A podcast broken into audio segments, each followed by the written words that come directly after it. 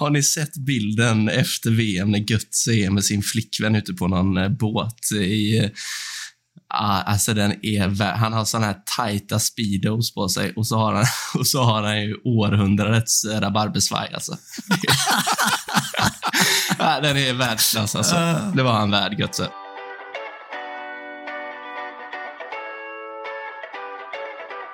Can Manchester United score? They always score.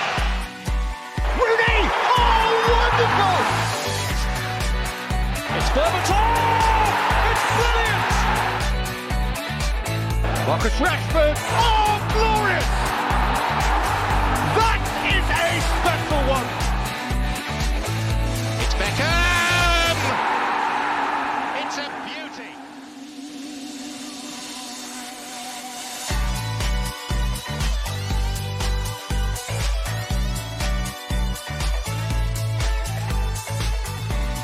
God morgon, förmiddag eller kväll. När du än lyssnar ska du känna dig ruskigt välkommen till ett nytt avsnitt av United-podden.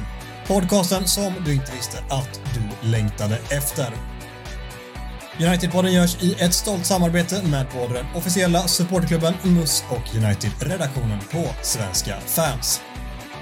När VM är vad det är i år tänker vi rida in och rädda VM-känslan via vår alldeles egna tappning av en VM-special. En VM-special som ni aldrig har sett den eller hört den förut. Vi är givetvis full styrka och jag väljer att vända mig till dig Micke först. Är allt asbra? Ja, men det tycker jag. Så här i eh, United-podden VM specialtider så får man ändå säga att, att det känns eh, osedvanligt bra på något sätt. Eh, och det kommer, jag- det kommer jag ju på att tänka på att eh, det inte alltid det känns så bra. Men eh, nu gör det det. Wow. Ja, Oflummigt. Filosof utan dess like har det alltid varit. Gustav Kulle då? Nej, men det känns bra. Jag är framförallt taggad på att snacka VM. Det är en av mina absoluta favoritämnen. Eh, och det är väl en sån här om man hade varit med i någon... Vad var det för barntävlingar man hade när man satt i någon bur och skulle svara på frågor? Micke, hjälp mig. Vad hette den? Vi i femman va? Vi är fem, nej, när man var individuell Man fick massa frågor om sitt favoritämne. Kom igen nu. SVT. Ja, nej, det 90-tal. borde jag ha. Ja, nej, då hade jag valt VM i alla fall. VM-kuriosa. Jag älskar nästan alla fotbolls-VM. Spoiler alert till andra diskussioner vi kanske kommer ha senare. Men, så jag ser fram emot att prata VM. Har du något ämne som ens är och touchar närheten av favoritskapet som VM har för dig? Eh, Det kommer ni få veta nästa vecka. Jag vet inte om du har hintat om vad som kommer hända i United-podden nästa vecka? Det har jag inte gjort. Nej. Då, då håller vi på den till nästa vecka så kommer ni få se vad mitt andra favoritämne är. Galna cliffhangern. Mackan, du är också med oss. Hur är läget med dig? Det, det är bra med mig också. Eh, Jag är väl inte riktigt en sån VM-konnässör som Mr Kulle är där borta, men eh, jag tycker det kan vara kul med VM. Otippat att Mackan är lite mindre entusiastisk över någonting än vad jag är här i livet.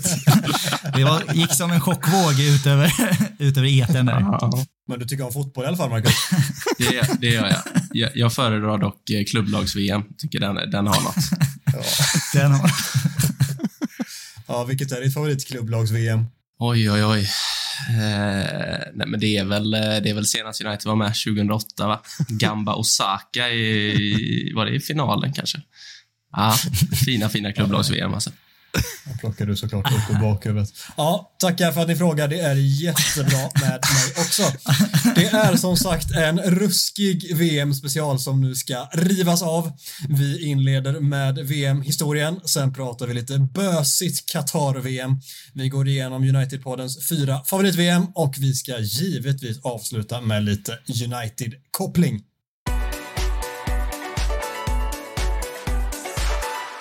VM-historien genom United-poddens ögon. Vi ska gå igenom samtliga VM som har spelat. Snabbt, rappt och kvickt som Glenn Strömberg skulle säga.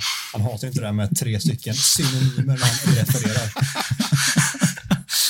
Ja, jag har fått äran att börja med VMen som alla minns som bäst. 1930 till 1950. Jo, Första VMet 1930. Alla ska veta vilka som vann det första VMet. Micke på uppstuds, jag sätter dig på pottkanten.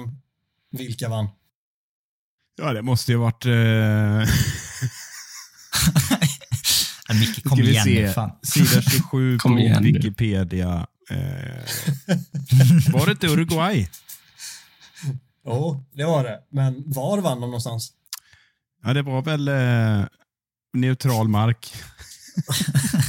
Neutral mark i Uruguay, du har helt rätt. Så var det. Ja, nej, men sen efter det så var det två stycken VM på raken som Italien vann. Först i Italien, sen i Frankrike. Det andra guldet 1938 var Sverige väldigt nära en medalj men föll i bronsmatchen mot Brasilien med 4-2. Det följde två stycken VM som ställdes in. Jag tror att ni alla kan tänka er varför. Det var någon tysk dåre som fick för sig att starta ett världskrig som satte stopp på 1942 och 1946. Det är inte Ralf Rangnick vi pratar om nu. VM, det är inte Ralf Rangnick. Det var inget VM på de här åren på grund av andra världskriget. Sen 1950 var mästerskapet slutligen tillbaka och då skulle brassarna arrangera mästerskapet. Det här VMet är faktiskt helt unikt i sitt upplägg. Någon som har en susning om varför det är unikt. Gustav, du som har kallat dig själv för VM-kungen här i allas eh, vår WhatsApp-tråd. Ja, det, det är ett par stökiga upplägg här. Jag har inte riktigt satt sig. Jag får för mig att 50 är det inte, det är inget slutspel. Jag tänker att det bara är gruppspel. Är det två gruppspel kanske till och med och sen så är ett, eller det kanske, det är inte ens en final. Är det så också? Det är gruppspelsfinal. Exakt. Så är det. Brasilien vinner något gruppspel. De förlorar. Det är eh, faktiskt enda VMet som inte har en final. Det är, först är det gruppspel som vanligt, fyra grupper, där vinnarna gick vidare till en ny grupp och där spelar man gruppspel igen, där det till slut då blev en gruppseger, alltså det laget, landet som vann VM-guld. Det var Uruguay igen som vann här. De vann före Brasilien och trea kom. Jajamän. Men Det gjorde blev, de. det, blev det något jävla quiz av det här? Som Jag de tänkte gjorde. det här ska ni kunna. Det är ju Trea. som sagt mästerskapet vi minns som bäst. Trea blev Sverige. Det var Ah, vår första VM-medalj. Otroliga scener. Men också, det var inte så att Uruguay Brasilien, det var nästan en final. För det, var, det blev liksom en direkt avgörande match mellan dem, att den som hade vunnit hade, hade vunnit. Så det, det ses ju lite som en halv, halvfinal. Får man några Ja, bonuspoäng för de det? Adam? möttes i, eh, precis i den sista gruppen, så möttes de på uh, Maracana och Uruguay vann med 2-1 och eh, enligt rykten så var det en publik på, hör och häpna, 200 000 Just på Maracana. Det var ju det, Just det mytomspunna första eh, desinformationen som kopplades ut någonsin. Woodstock 59, alla var där. Nej, 200 000, den vill man fan syna. Det, det får det ju inte plats på någon plats på jorden. Eller? Men det känns som att det är en Nordkorea-grej. Liksom, att det var, det var sex miljoner åskådare på när Kim Jong-Un vann skytteligan i hockey-VM. Eh, Det brukar väl låta så. Så var det med det. Jag tänker faktiskt att jag ska lämna över det. Det är inte så jävla mycket roligare än så att prata om detta. Så Gustav, du ska få ta vid här och här förväntar jag mig ett ännu matigare svep. Ja, nu, nu blir det roligt. För nu åker vi tillbaka till Europa. Så 54 så är alltså VM i Schweiz. Schweiz som valdes lite som en neutral spelplats efter andra världskriget utan protester. 16 lag. Eh, så det känns lite som att det är första moderna mästerskapet med en sån här tydlig struktur. Fyra grupper med fyra lag. Ettan och tvåan går vidare till kvartsfinal. Men så var det inte. Tittar man så ser man att de bara spelar två gruppspelsmatcher var. Så det är någon sån här intern sidning att högsta sidade möter lägsta sidade. Så det är ändå en sån här knepigt format om vem som går vidare och sen så har man också övertid redan i gruppspelet om det står oavgjort. Eh, två gånger 15 minuter, är det fortfarande oavgjort då så blir det oavgjort. Eh, så rörigt i Schweiz som annars brukar ha så koll på grejerna. Annars VMs målgladaste turnering genom tiderna, över fem mål per match eh, och en 7-5 match. Satan. Mellan, ja, där, 5, nästan 5,5 tror jag. Men i alla fall, så det är en 7-5 match också mellan Österrike och Schweiz som än idag är flest mål i en VM-match tror jag. Det blir väl 12 mål va? Ja, så blir det. Eh, också första gången som ett mästerskap sänds på TV. Eh, turneringen i sig eh, vanns lite chockartat av Västtysklands eh, amatörer eh, efter att man slagit regerande olympiska mästarna från Ungern. Hänförda av, jag, jag håller quiz-temat eh, uppe här då. Ungern är hänförd av skyttekungen, vem då? Ferenc Puskas, precis. Otrolig spelare som bland annat var i Real Madrid sen. Va? Eh, det såg som en väldigt stor taktisk triumf när Västtyskland vann för de hade liksom av någon anledning redan i gruppspelet när de mötte Ungern eh, roterat ut alla sina stjärnspelare och skadat Puskas. Eh, de förlorade 8-3 i gruppspelet mot, eh, mot just Ungern, eh, men skadade Puskas som var halvskadad hela turneringen sen. Eh, och sen så vann man finalen i miraklet i Bern, som det kallas, med 3-2. Eh, mycket också tack vare hjälp man fick av en ung tysk affärsman, eh, Adi Dassler, som hade försett det tyska västtyska, eller västtyska laget med skor med lite längre dubbar för att hjälpa dem i ösregnet.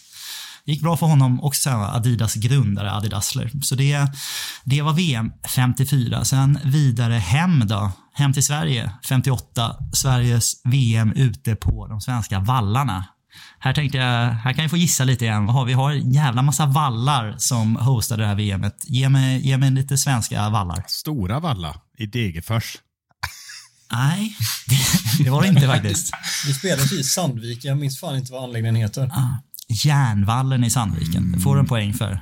Järnvallen har vi. Vi har en, en allsvensk, ganska allsvensk arena här för inte så jättelänge sedan också. Örjans vall eller? Hade man kunnat tro. Ryavallen, det var inte så jättelänge sedan. Den har väl heter, heter inte det längre va? Nej, det heter Borås. Borås Arena nu kanske. Då var det, Borås, då var det premiär för Ryavallens, eh, ja, ni vet sån här eh, resultattavla. Men jag tror de hade en halv pixel i den. Ända fram till 1998.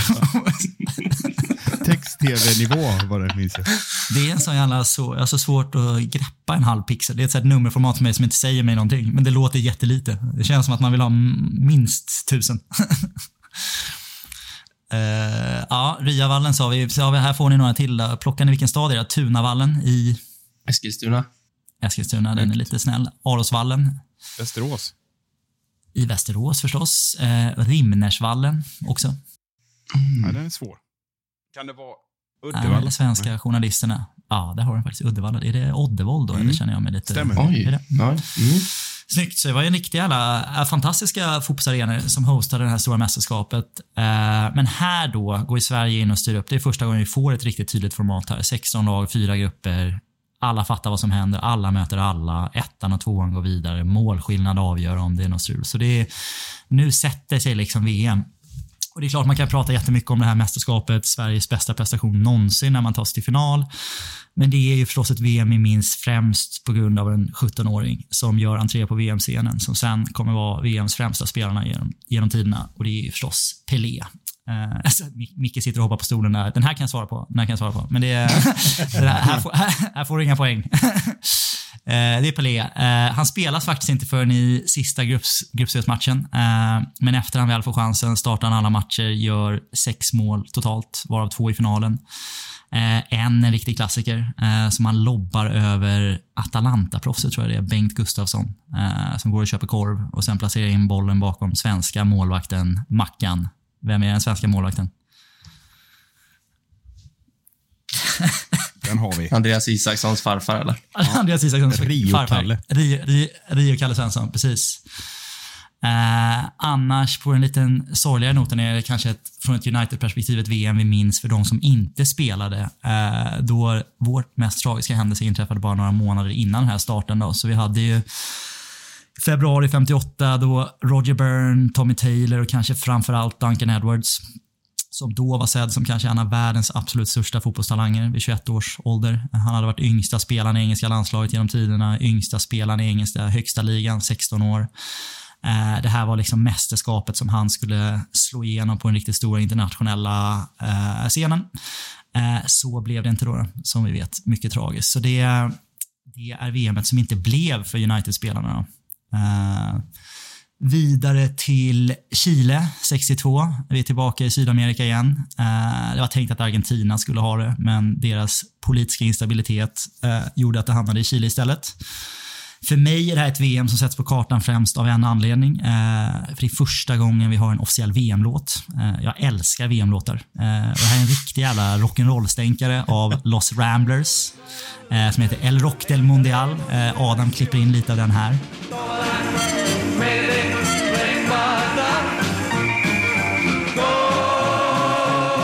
Och jävlar jävlar vad det svänger. Va? Det är så jävla rock'n'rolligt. det, är, det är bra tryck i den. Det är, riktigt, också en av mina favorit-VM-låtar faktiskt. Så den, det är värd att lyssna på hela den, eh, den versionen. Turneringen i sig annars var en riktig slagsmålsfest. Eh, många av matcherna urartade i rena slagsmål. Värst mellan Chile och Italien där polisen fick komma in på planen för att stoppa bråk. Målsnittet sjönk avsevärt till under tre mål per match för första gången. Har aldrig varit över det sen dess. Och Det är mycket på grund av den taktiska utvecklingen, att vi är mer defensiva och mer taktiskt lagda. Pelé var på förhand den stora stjärnan, men skadade sig tidigt och fick istället se hur kollegan Garincha ledde Brasilien till att försvara sin titel från 58 eh, efter att ha slagit Jugoslavien eh, i finalen med 3-1. Jugoslavien som precis vunnit första upplagan av EM två år innan. Uh, sen är vi där jag är nu då. Football is coming home. Så 66, England. Eh, ett senarelagt mästerskap blev sent i juli då BBC redan hade förbundit sig att tv-sända Wimbledon och The Open eh, på St. Andrews. Så fick man flytta VM lite senare. Så det har hänt förut. Det är inte Qatar som är första gången att flytta, flytta VM, senare lägga lite. Eh, mästerskapet i sig förstås en stor kommersiell succé, verkligen satte, satte fotbollen globalt på kartan som en riktig dominant framöver. England vinner ju mästerskapet, man slår Västtyskland med 4-2 i en final som vi kanske minns bäst för ett övertidsmål av Jeff Hurst som nog aldrig var över linjen.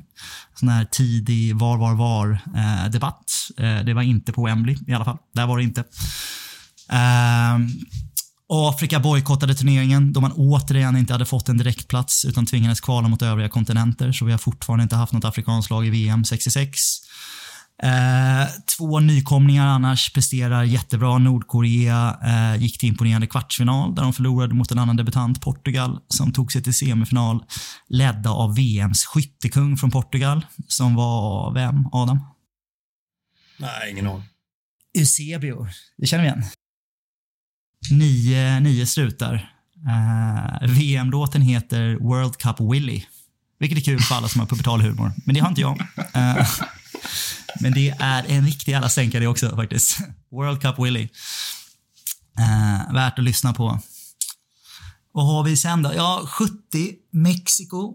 Alltså, alternera nu Europa och, och Sydamerika, eller i alla fall Amerika. Så det här är första gången det är utanför Europa och Sydamerika, så hamnade Latinamerika. Eh, Afrika fick nu sin första direktplats och Marocko blev första afrikanska nation i VM.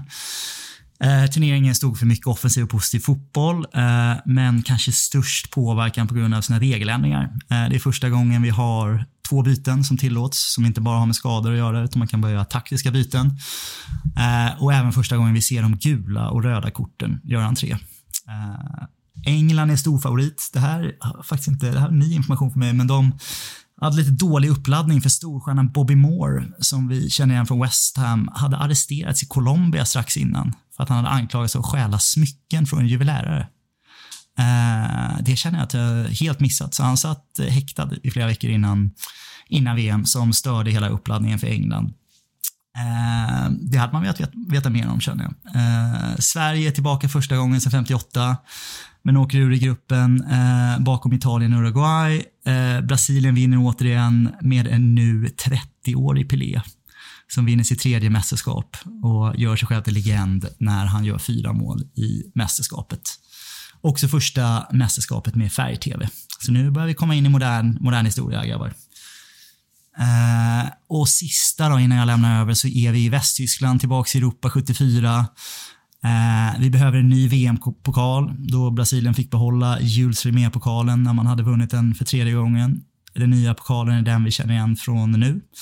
Fifa World Cup Trophy, fyndigt namn har den, eh, som inte längre får behållas. Utan den, den skickas nu bara runt. Eh, eh Eh, av någon anledning, det här förstår jag inte, rör man till formatet igen. Man är 16 lag, men istället för vanligt slutspel introducerar man ett andra gruppspel igen där vinnarna i gruppen möts i final och tvåorna i bronsmatch. Helt obegripligt. Men hur som helst, Holland och Västtyskland vinner eh, andra grupp, eh, gruppspelet och får mötas i final. Eh, Brasilien och Polen får göra upp i en bronsmatch.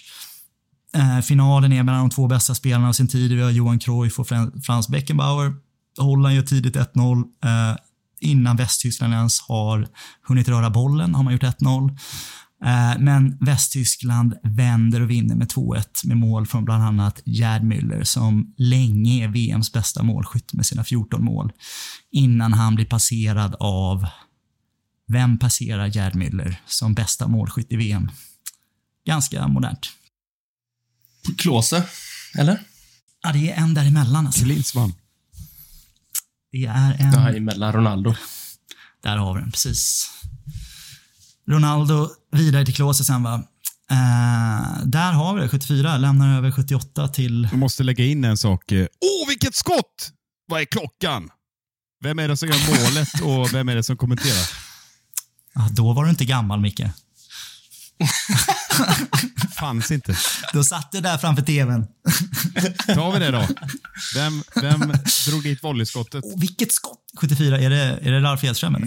Nej. Det är Stämmer. den. Han, Och vem, vem? det är den han upp med armen i, i luften. Stämmer. Han har, han har skitit, skitit på sig, är det inte så? Ja, lite så. Det är sant. Eller var det inte så att han, hade, han var dålig i magen? Det var lite allt möjligt. Det var därför han hade en sån... sån Han viftar efter hade toaletten. en sån Men vem är det som säger detta då? Åh, vilket skott! Ja, vem kan det vara? Jag vet inte, Lars-Gunnar Björklund kanske? Nej, det är lite för, lite för tidigt för Björklund. Det var ju Bengt Grive såklart och ingen annan. Bengt Grive. Så, Ja. såklart, såklart var det det. Fattar Ja. vem som helst. Ja, nej, men det var väl ett gediget eh, försök av dig, Gustav. Där. Vad skulle Micke bedöma den kuriosan som? Ja, det, är, det, är, det är i alla fall starka två plus, det ska han ha för det.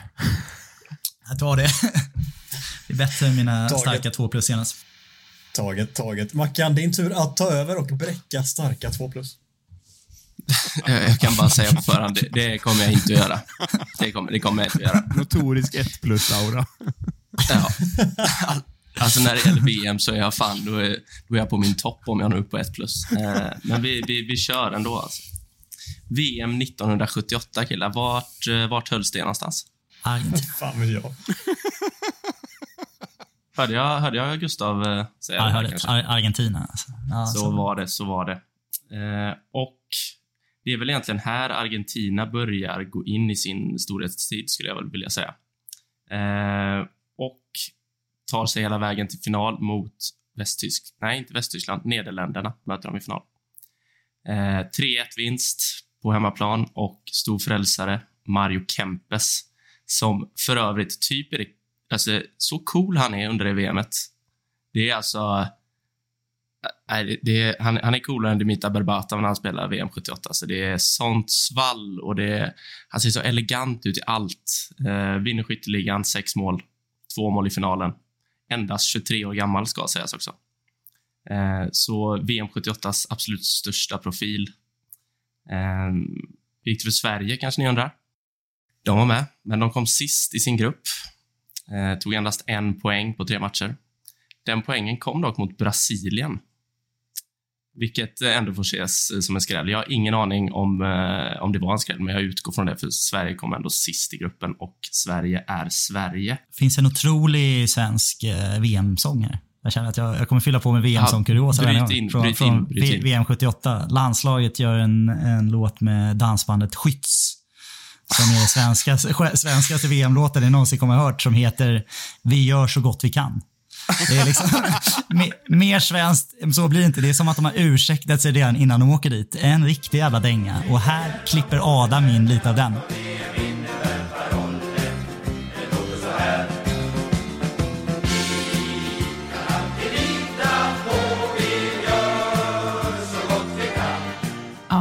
Ja. men de gjorde så gott de kunde. Det blev, det blev ett mål på tre matcher, tre insläppta, en poäng.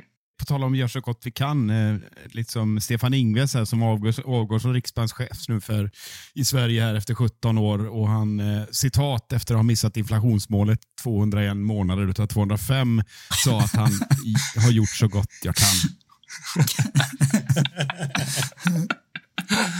Ja.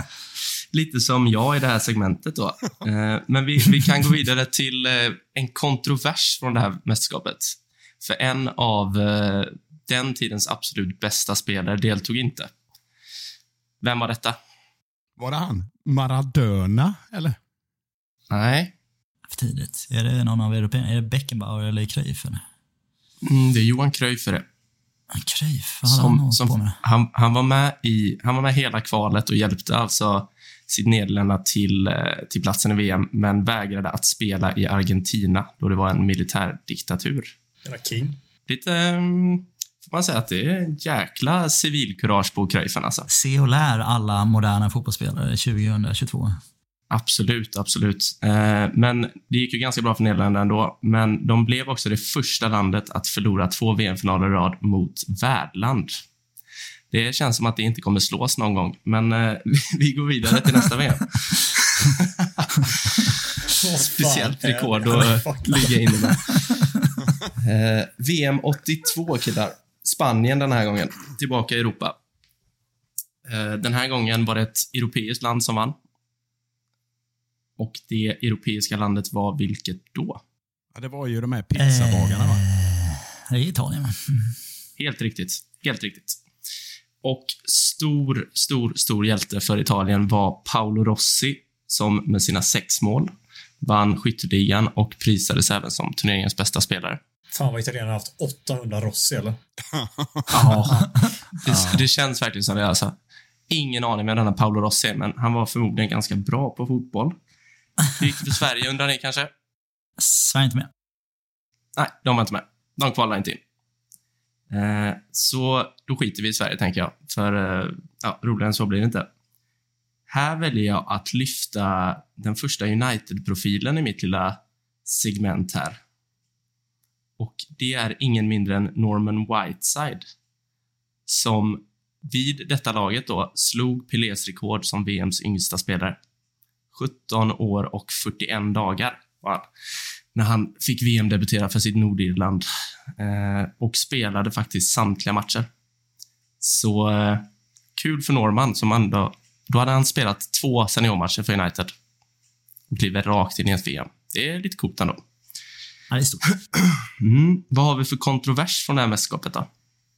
Det finns, alltså, jag har nog aldrig sett en kollektion som är så pass Alltså det är så fult gjort av den ena och skickar den andra till, jag tror han låg på intensiven, typ nedsövd i en månad eller någonting. Vet ni vad jag syftar på här? Nej. Inte en susning. Nej, det, är han, det är han västtyska galna målvakten Schumacher som Ja, det är han. Springer över Som- ner. Han springer ner. Batiston. Det är goa uttalet skojar man inte bort. Säg det igen. Batiston.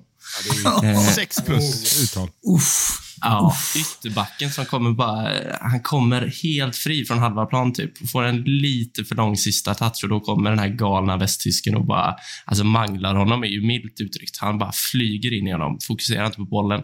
Och jag tror att det endast blir gult kort om jag inte är helt ute och seglar här. Så, eh, ja. Fy för Schumacher säger vi där. Eh, Men alltså, Italien vinnare mot Västtyskland i finalen. Går vi vidare till nästa VM. VM 86 som endast... Alltså det, är väl, det är väl detta VM som man endast kommer ihåg på grund av en spelare egentligen och hans aktioner. Det är Diego Maradona som för sitt Argentina till titeln i Mexiko.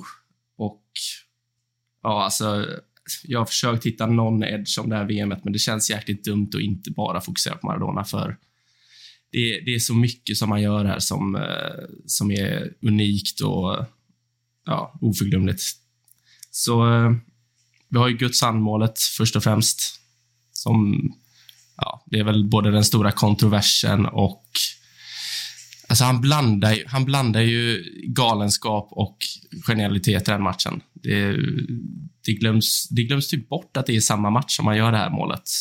Där han dribblar förbi hela världen, typ. Eh, som jag tror jag har utsetts till århundradets mål, va? Om jag inte är ute och cyklar. Var inte det Johan Elmanders mål eh, i Bolton? Mot, hä- mot, hä- mot Häcken, Svenska cupen 98. Ja. Jo, det är mellan de två. Ja. Nej, men eh, Diego Maradona. Alltså, kan man, är, man, är man en party pooper om man tycker att det är så jävla mycket dåliga, individuellt dåligt försvarsspel? Är det, Nej, men det, är det, det ju. målet. Det är det ju. Det är det ju. Det är liksom inte, det känns inte, jag är liksom ska inte hylla Zlatan, men jag känner när han, när han liksom dribblar igenom hela det nackbredas försvar känner jag att han liksom individuellt slår varenda en som att det är ett jävla liksom, samurajspel. Att han bara, jag ska dribbla av varenda person här liksom. Medan i Maradonas fall så känner jag att det liksom är, här bara slänger vi oss till höger och vänster och gör dåliga, dåliga beslut. Mm.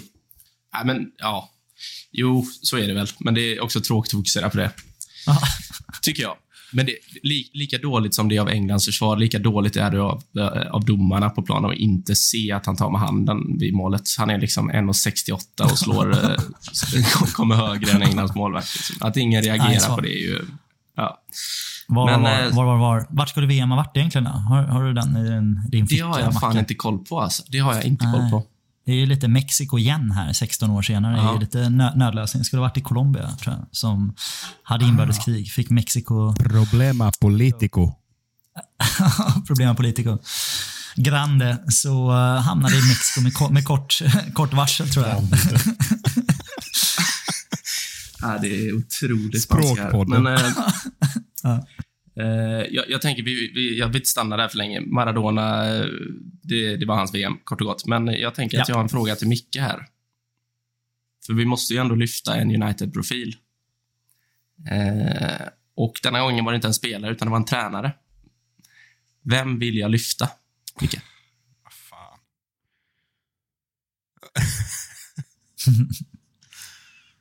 ja, det är väl eh, en av våra sörar, måste det ändå röra sig om, va?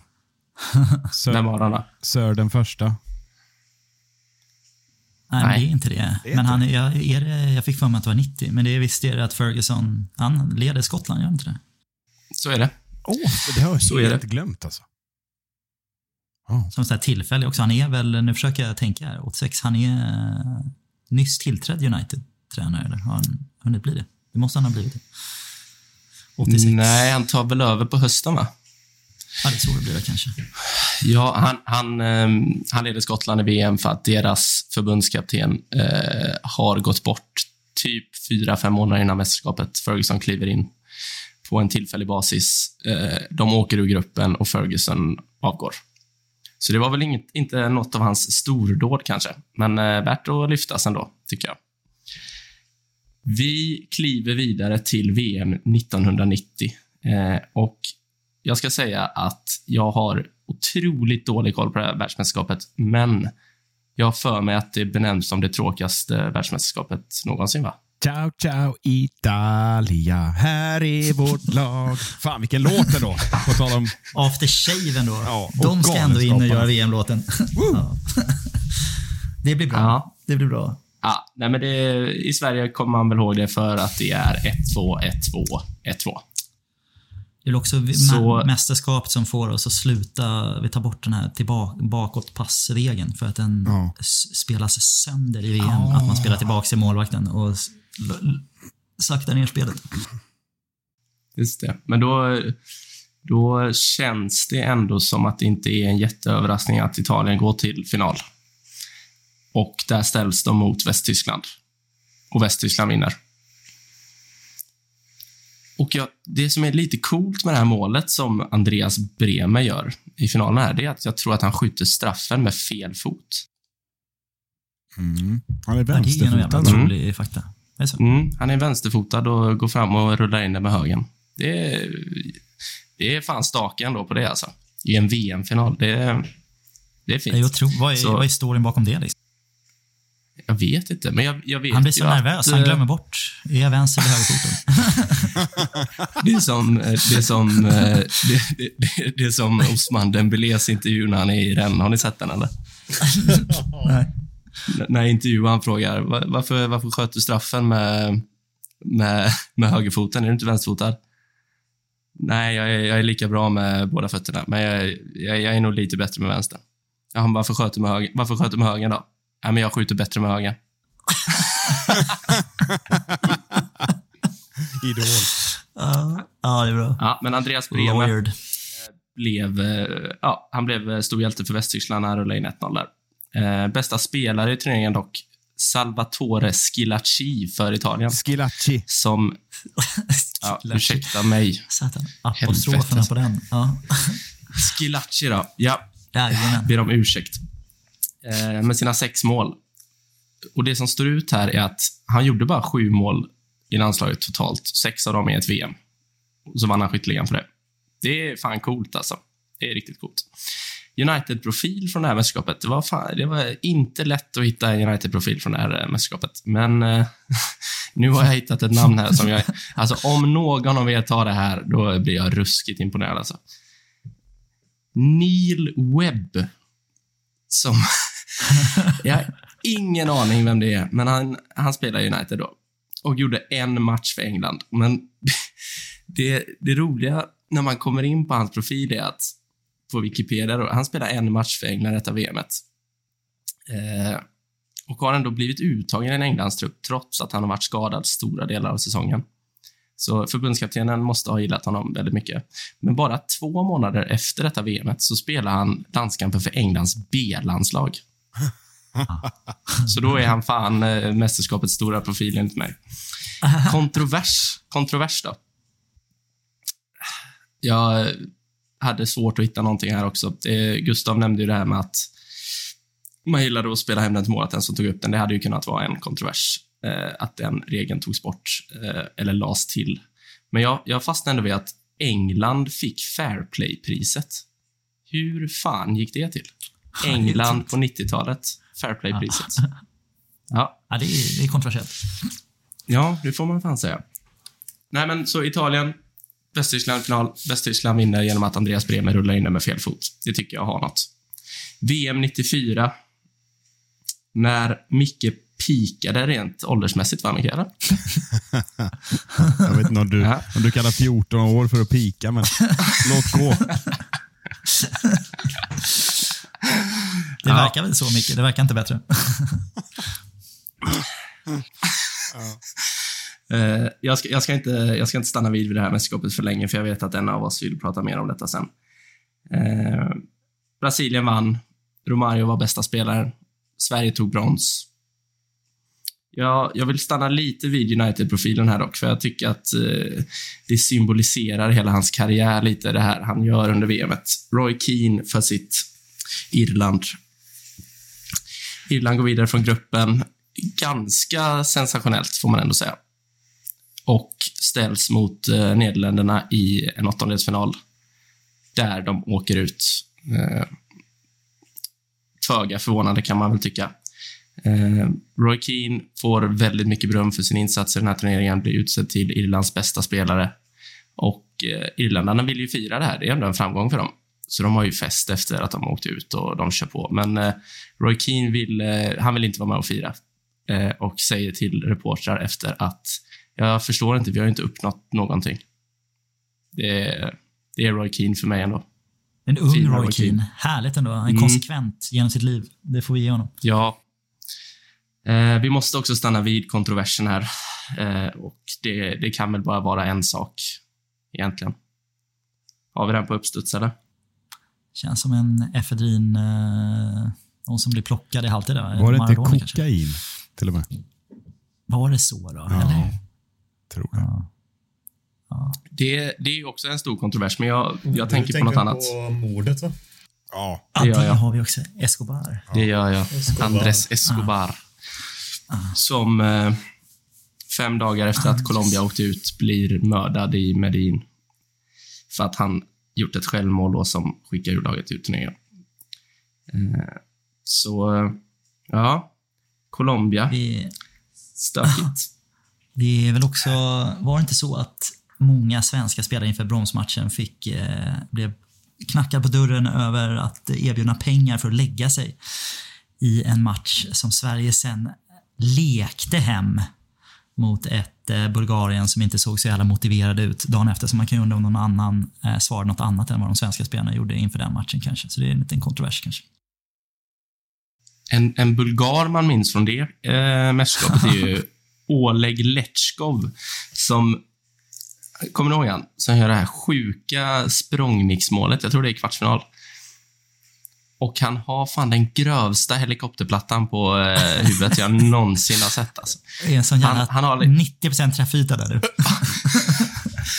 Han är liksom helt kal på mitten av huvudet, men har hur mycket hår som helst på sidorna. Det är som Oleg Letchkov, det var- svampbob. Ja, otroligt. Är helt ens Oleg Letchkov. Eller blandar du ihop Oleg Salenko i Ryssland och... eh, Jag Vem tror vet? han heter Oleg Nej, det Letchkov. gör han inte. Men jag, jag, vad heter han då? det känns inte så. Eh, Vad heter han då? han heter ju naturligtvis Jordan Letchkov. Jordan Letchkov. Nä, nära nog. Jag ber- Men det är, Jag ber om ursäkt. Otroligt. Men han eh, Ja. mästerskapets, eh, mästerskapets spelare för mig. Oleg Letchkov då, eh, säger vi. Jävla drömspelare. Oleg Salenko och eh, Jordan Ja, Letchkov. tänk, tänk om en spelare hade sett ut så nu. Det hade fan varit uppfriskande ändå. Ja. Ja. Vi eh, går raskt vidare. VM 98. Ehm, ja. Vad ska man säga om det här? Det hölls i Frankrike och återigen så är det ett värdland som får höja pokalen efter Zinedine Zidans två mål. Och även Emmanuel- Petit gör ett mål, har jag för mig, va? Finalen, ja. Petit gör väl Mm. 3-0 va? Ja, ett mål. Ett mål, sa jag. Ehm, ja, annars, eh, annars minns man väl det på grund av Ronaldos prestation genom mästerskapet fram till finalen egentligen. Ehm, där han, vad var det det snack, att han inte mådde bra eller vad, det här har ni bättre koll på än vad jag har. Att han har varit uppe och spelat tv-spel Ja, typ och, ja. ja. Fått någon jävla... Va? Det, det, det, där är, det finns mycket teorier runt det. eh, Att det handlar om någonting annat va? Ja, den har jag inte faktiskt. Vad har du, Micke? Jag har ingenting utan mer att det var ändlösa spekulationer om vad det här berodde på. Allt ifrån psykisk ohälsa till droger till... eh, Ja, vad fan, det var... Det, var- förklaringen. Kvinnor i vanlig ordning. I Brasilien. Ja, precis. Annorlunda var han i alla fall. Han var ju magisk hela vägen fram till finalen. Helt otroligt sådär orimligt jävla bra alltså. Peak Ronaldo på något sätt. Även Michael Owen var ju otrolig under det här mästerskapet. Eh, där Peak han- Michael Owen. Ja. Ja, där eh, man minns målet mot Argentina bland annat. Eh, vad, har vi för United-profil från det här mästerskapet? Jo, vi har vår kära David Beckham. Jag fastnade vid honom. En ung David Beckham som, som man tråkigt nog inte minns för sin fina frispark i gruppspelet, utan för sin utvisning mot Argentina. Mm. Eh, där eh, Diego Simeone Äcklig jävel alltså. visar att han var det svinet han är nu redan på 90-talet. Då. Eh, och eh, utnyttjar väl Beckhams eh, väldigt lilla spark på bästa sätt. Så det är, väl, det är väl ändå en kontrovers jag tar med mig därifrån också, hur, hur pass hatad David Beckham faktiskt var i England efter detta. ja, verkligen. Så, ja. Men det är eh, min lilla VM, VM-epok över här då. Det var väl Så lite mer än till, ett eh, plus va? Det var ju briljant Mackan. Nej, starkt. Väldigt starkt Tack. Tack, tack, tack. Jag har så kallat gåshud på min gåshud. Micke, du ska få avsluta och eh, påminn alla vad har hänt mellan 2002 och 2018? Ja, men det är ju det absolut tuffaste epoken att ta sig an, an här efter att det ligger färskt i minnet eh, hos alla oss. Eh, och, så att det, det är väldigt mycket öppna dörrar som sparkas in, så jag funderar på om vi är betjänta av att jag tar oss igenom i samma fina kronologi. Eh, det kommer jag kanske inte att göra riktigt, utan jag har en liten annan take här. Om man ska titta liksom på eh, en sak som jag har suttit suttit och tänkt på. Eh, ni har gått igenom de här fina, fina eh, åren för länge sedan så kan man ju konstatera att det är en ganska stor skillnad upplever jag som ändå var med en stund på 90-talet. Eh, att under 2000-talet förändras ju allting rätt mycket i takt med liksom att tv-rättigheterna sprider ut sig. Eh, alltså klubblagsfotbollen växer och växer. Ja, ni vet allt det här. Vilket gör att eh, liksom, eh, tack vare att konsumtionen ökar så mycket så försvinner lite av den här gamla fina mystiken kring VM-spelare. Nej, men liksom att, som du var inne på Mackan, att eh, en okänd italienare kan vinna skytteligan och eh, pausa, ta tjänstledigt från sin pizzeria och sen gå tillbaka och fortsätta med pizzorna liksom efter mästerskapet. Och ingen hade i stort sett hört talas om honom. För det funkade ju lite så. Eller att VM 94, en rumän är liksom rankad som topp tre i världen. Tar vi vem vi pratar om där? Ja, Georgi Hadji. Hadji. Alltså det, det är ju liksom, det var inte så att en majoritet eh, hade koll på honom heller. Och alltså, den mystiken försvinner ju successivt som ni vet. Liksom. Och det, det är därför det är så kul, och, som Gustav säger, det här galna intresset har inte jag, men jag tycker ändå det är lite kul med det här den mystiken kring namn som bara dök upp eh, från ingenstans upplevdes det liksom och bara levererade. Så själva, själva VM-turneringarna eh, då, om man går in på 2000-talet här, så var det ju lite premiär i 2002 med att eh, dels var det första turneringen i Asien eh, och dels var det första gången det arrangerades av två länder, delat arrangörskap mellan Japan och Sydkorea som ni känner till. Så det var ju en liten, det var ett litet nytt eh, uppsving och sen drog turneringen igång lite tidigare uppfattar jag normalt. Redan 31 maj sparkade de igång det. Det är väl någon vecka åtminstone eh, tidigare än normalt. Jag vet inte hur ligorna eh, och Champions League och sånt låg då, men det, det bara, jag bara hajade till när jag noterade det. Men, eh, nej, men sen, eh, vad ska man säga, utöver det, sett över den här epoken eh, fram till vi är idag, så var det ju premiär för Afrika 2010, som ni vet. Eh, för övrigt ett VM jag tycker är det mest anonyma VMet i modern tid. Jag har i stort sett glömt allt förutom de här jävla vovvoselorna. som vi aldrig kommer att glömma. Och sen eh, som ni alla vet så eh, 2018 var det då premiär för eh, mut och sportwashing-länder att eh, få arrangera VM. Och Det känner vi alla till, så det, det, är inget nytt. Så utöver det här, om man ska, innan vi går in och tittar lite granulärt på, på mästerskapen, så kan man konstatera att det har ju alltså gått 20 år sedan brassarna vann. Det är ju rätt intressant när man eh, tittar efter med tanke på det ni har gått igenom. Eh, och nu är vi ändå inne på Brasilien då, så visst vann de ju eh, VM 2002 efter en eh, final mot Tyskland. Det känns som att man kan säga det alla år egentligen. Ja, Brasilien slog Tyskland i final eller Västtyskland slog Brasilien i final. Eller, det är lite tjatigt där många år. Men så var det även fallet eh, eh det året. Eh, jag vet inte det, det jag minns mest från det eh, mästerskapet var ju att Turkiet snodde Sveriges gyllene väg fram till en, eh, en semifinalplats. Och Det räckte nästan hela vägen för turkarna. Och Vad hette deras härförare? Hakan Şükür. Ja, jävlar. Vilken ikon mm. ändå. mig... Han hade ju sin goa radarpartner också med ett otroligt 5 plus-namn. Alltså. Ja, vad har vi där egentligen? Hasan Sas. Ja, jävlar vilken jävla king alltså. Nej, ruskigt, eh, ruskigt namn.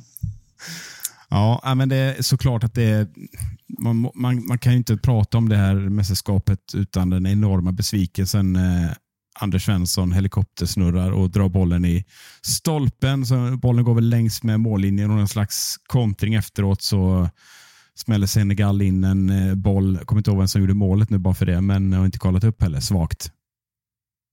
Henri Camara. Henri Camara. Rullar i alla fall in bollen bakom en eh, stelopererad Magnus Hedman. Eh, det, var, det var fruktansvärt hemskt, minns jag då som 22-åring. Det var, det var katastrof. Vi satt tio grabbar laddat upp och alla var toktaggade. I och med att matchen gick på förmiddagen eller vad det var, det var ett kaos. Liksom. Så eh, var man ju kanonfull där vid tio-draget och fick bara sätta sig.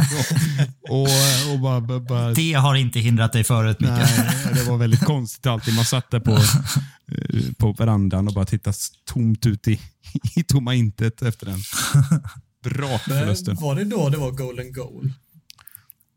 Jajamän. Eller som Arne Hegerfors säger, golden goal.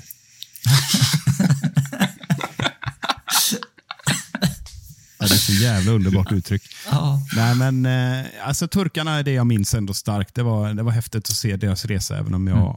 var irri är nästan är... irriterad fortfarande jag tänker på att de gick så långt. Han är någon typ av eh, persona non grata i Turkiet nu, Hakan Cykel. Han har, han har haft någon sån här politisk eh, vendetta med Erdogan tror jag. Så jag såg någon jävla konstig dokumentär om Fatih Terim tror jag, som var tränare för det turkiska laget också, där man hade, man hade klippt bort varenda jävla mål som han hade gjort. Liksom, och han gjorde ju fan 90 procent av de turkiska målen. Så man försökte liksom följa hela Fatih Terims fantastiska resa med Turkiet, men det var inte, inte en enda jävla bildruta där Hakan Şükür var med. Jag tror att han är liksom i eh, det här är en jävla re rewrite av någon annan podcastberättelse som jag kanske lyssnar lite på, men där han, eh, jag tror att han befinner sig i USA eller någonting och typ jobbar på en jävla restaurang för att han är inte välkommen i tycket. Ja, det är märkligt Så kan det gå. När man kan ta beslut av den karaktären på, o- på hög nivå. Men när man ska nämna något mer så, så eh, den gamle Ronaldo levererade ju hyfsat det mästerskapet också, får man ändå säga. Och eh, gjorde ju faktiskt till slut åtta mål, men det var inte självklart. Det var nämligen ett mål, hans första mål mot Costa Rica som, eh, som skrevs som ett självmål först. Eh, Luis Marin hette han eh, som gjorde det självmålet. Men sen ändrade man det och så eh, lämnade man in en protest och då blev det åtta mål. Det är ändå lite speciellt att skriva in åtta istället för sju. Vi hoppar vidare till eh, ett mästerskap som jag tror de allra flesta, i alla fall i min generation, minns väldigt väl. För Det var jävlar vad folk det var på läktarna. Det var mycket, det var mycket gula väggar då. Eh, inte bara i Dortmund, utan lite överallt. 2006, när eh, Sverige, jag vet inte vad de gjorde, men haltade sig fram till en eh, till en trött utgång mot Tyskland i åttondelsfinal och det enda jag minns från det, eh, det var ju den hånflinande, vidriga domaren Carlos Simon som halade upp, upp ett rött kort i ansiktet på Teddy Lucic. Kommer ni ihåg var ni satt när det hände? Ja, tyvärr alltså. Ja, Nej, nej. Jag förstår det Martin. nej. Nej, men eh, hur som helst, eh, vi snabbspolar det för att eh, jag känner, känner på mig att någon vill prata lite mer om det eh, om en stund. här. Men eh, Italien som vanligt eh, kryssade sig fram eh, till en vinst. Cannavaro, 1,12 lång, vann alla nickdueller och eh, ja, det var väl egentligen det vi summerade. De slog alltså Frankrike i finalen efter straffar tyskarna gjorde ju ändå någon form av, vad ska man säga, revival eh, som nation. Eh, och Det var väldigt mycket snack om, om eh, liksom, eh, just det att det var okej att vifta med den tyska flaggan igen eh, 2006. Och mm, De eh, bars fram av en fan, fanatisk hemmapublik till eh, ett brons som ändå får ses som en eh, en liten eh, början på en, en ny storhetsperiod för, för tyska landslaget. Det är väl lite känslan. Trots att de hade fått stryk i finalen så blev det liksom en, den där sista pushen hemma vid på något sätt. att Nu är vi stolta över Die Mannschaft igen. Mm. Ja, eh, det går ju bra det här, så vi hoppar vidare till eh, det här VMet som inte jag vill prata om överhuvudtaget. Recensera sig själv. Det är så jävla fint alltså. Ni, ni säger ju ingenting. Ni, jag har inga invändningar. Det här går ju bra det här. Ja, vad gött. Ja, det går bra det här Micke. Kör på. Ja, tack. Fick jag bifall där i och med att ingen annan sa något. får man ju höja sig själv då och då, så att säga. Vad minns ni överhuvudtaget från Sydkorea förutom vuvuzelerna? För jag är rätt nyfiken här innan jag ger er något mer. Sydkorea. Eller Sydafrika. Där minns jag inte det här går bra det här Micke. Det går hur bra som helst. Jag kommer inte ens ihåg vad det hette landet för det var så jävla tråkigt VM. Nej, men jag älskar ju Chabalalas öppningsmål. Det är fan det snyggaste öppningsmål som någonsin har gjort. Fan vad gött det är. Ja, det är snyggt. Det är Ja. snyggt faktiskt. Stolpe in va? Nej, det var en riktig jävla skitfinal, känner jag. Det är nog det som fastnar nästa äckliga, äckliga Holland, va? som spelar så jävla fult och tråkigt och tog sig hela vägen dit. Ni, Man- man Nigel minns ju Nigel de. Jong, ja. Ja. Ja. Sulan i bröstet på Xabi Alonso. Ja. Solklart gult. Eh, bra domare. Det var Howard Webb, tror jag, som dömde den Ja, planen. säkerligen. Säkerligen. Men en, en spelare som, som man ändå eh, minns eh, lite extra det här, eh, det här VMet är ju ändå med lite United-koppling. Det är ju Diego Forlan som var, spelade sitt livs fotboll där, får man ändå säga.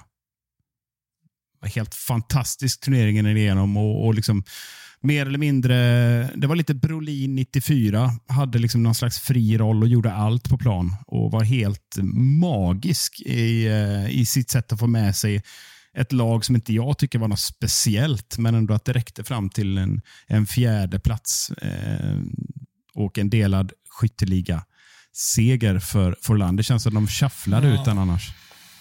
Ja, piskar in bollar med den uh, mytomspunna Jabulani-bollen. Just det.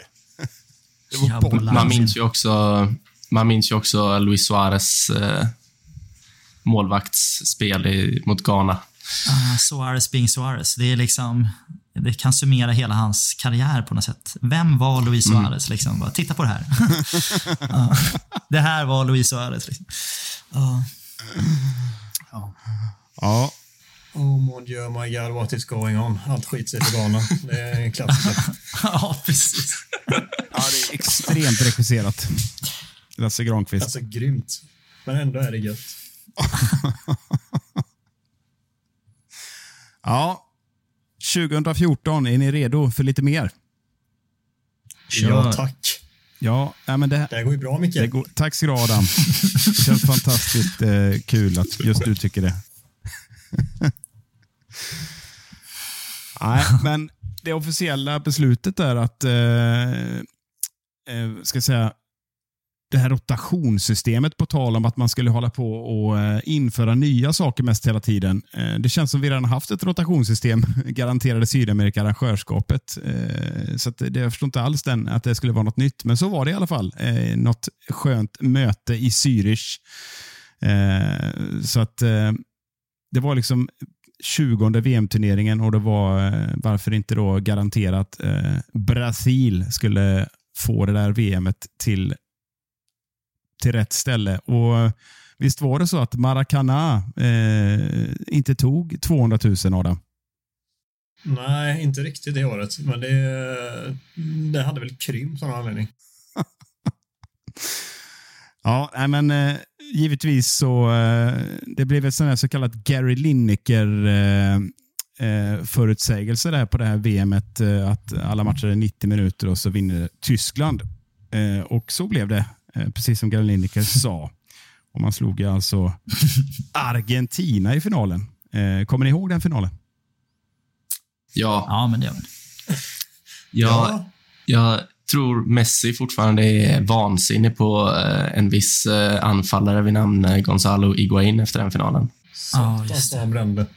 Ja. Han gör väl också ett mål som är offside. Jag tror inte han har slutat fira det målet än. Faktiskt. han sprang ju 18 varv runt Maracana där. Men ja,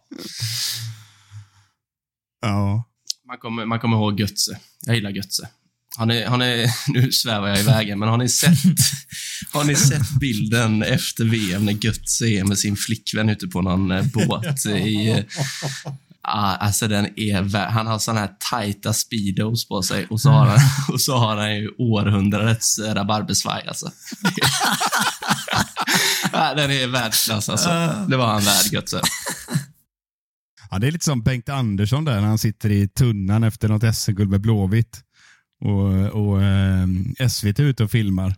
Så är det inget Ja, skum är kvar i, tunnan. Och den söker ju liksom ytspänningen. Ja. Det är briljant. det. Lite, fortfarande lite salongs efter gårdagen. Ja, det är helt underbar. Underbara eh, tv-historia. Sjukt att gå från VM-final till Bengt Andersson ändå. Aldrig har en spelare varit så långt ifrån en VM-final. Han är så jävla stark här. Nej, men eh, om vi ska återgå till ordningen här så i alla fall jag minns ju eh, Brasiliens enorma magplask i semifinalen där. Du minns det? Siffrorna skrevs till historia. Otroligt. 1-7 om man kommer ihåg eh, David Luiz tårar är det enda jag ser framför mig när jag tänker tillbaka på det. Han blir avslöjad där, känner jag. David, bluffen, försvarsbluffen David Luiz. Folk som fick för sig att han var en bra försvarare. Liksom. Där, där och då blev han, blev han avslöjad. Sideshow Bob blir avslöjad. Fin är han. Ja, nej men... Eh, ska vi säga så och så hoppar vi till eh, Putin-VM. För övrigt vidriga jävla bilder där. Det kanske är till och med i mästerskapet innan om Putin är på plats där i Brasilien och sitter och flinar med Sepp Blatter på läktaren. Och konstaterar att eh, har du swishat, eller vad man nu säger på ryska, de här 20 miljonerna. Ja, det var äckligt. Men eh, Ryssland-VM är också så här lite för mig, även om det är väldigt i närtid, eh, bara irritation. Jag minns inte så mycket eh, detaljer mer än att Frankrike var fantastiskt bra i finalen mot Kroatien och att Kroatien just gjorde ett helt magiskt eh, slutspel. Hela deras gyllene generation eh, verkligen fick ut maximal potential, men det räckte som sagt inte hela vägen fram. Mm. Och eh, Vad finns det annars att säga? Jag, jag är nyfiken på Gustav, hur du, eh, hur du följde Englands öden och äventyr. För det, det gjorde vi alla det mästerskapet. Ja, det är ju... Jag följer ju... Jag gillar ju inte engelska landslaget eh, längre. Jag följde dem mer när jag var, var yngre, men på grund av hur jävla vidriga fansen är så känner jag att jag det sista jag vill i alla mästerskap är att football's coming home. För det är, är så otroligt. Jag vet att man ser videoklippen av när ölen flyger i luften när man gör mål och det ser ju charmigt ut. Men allt, allt omkring det med hur slagsmål, hur man beter sig mot ja, allt från mörkhyade till kvinnor till folk från andra länder. Jag har liksom sett 2018 framförallt när jag var på några av de här fanfestområdena liksom sett sån jävla mycket skit. Så jag, tyvärr av den anledningen så bara vill jag alltid att England ska åka ut så snabbt som möjligt. Eh, vilket är synd. Så jag, jag blev väldigt lättad när, när Kroatien eh, såg till att det inte eh, was coming home i semifinalen. Eh, men annars minns jag det VM från att det var, det var kul att få faktiskt följa Sverige med lite entusiasm under en period. Det trodde man inte att man skulle få göra på det sättet. Vi spelade ju, spelade ju riktigt bra ut efter våra förutsättningar, eh, utan Zlatan. Ja, det var en, en, en magisk Janne Andersson, Andersson-sommar. Han fick ut maximalt av sitt 4-4-2 med eh, press och understöd i alla eh, matchminuter som fanns. Det var, snacka om att maximera ett, ett manskap på något sätt. En helt otrolig bedrift. Jag är ytterligare sån där eh, Lasse Granqvist för eh, alltså manusreferat eh, på Granqvist. Kan du det mycket? Nej, det kan jag inte. Han är granen som aldrig barrar. Just det. Ja. Ja. ja. Det är så svagt alltså. Ja, det får bli, eh, får bli slutorden eh, kring eh, den här epoken känner jag. Granen som aldrig barrar. Starkt ändå. Det är en bra, bra svag, svag tvåa. Tycker jag gör bra, Micke. Den vanliga nivå. Gör det bra.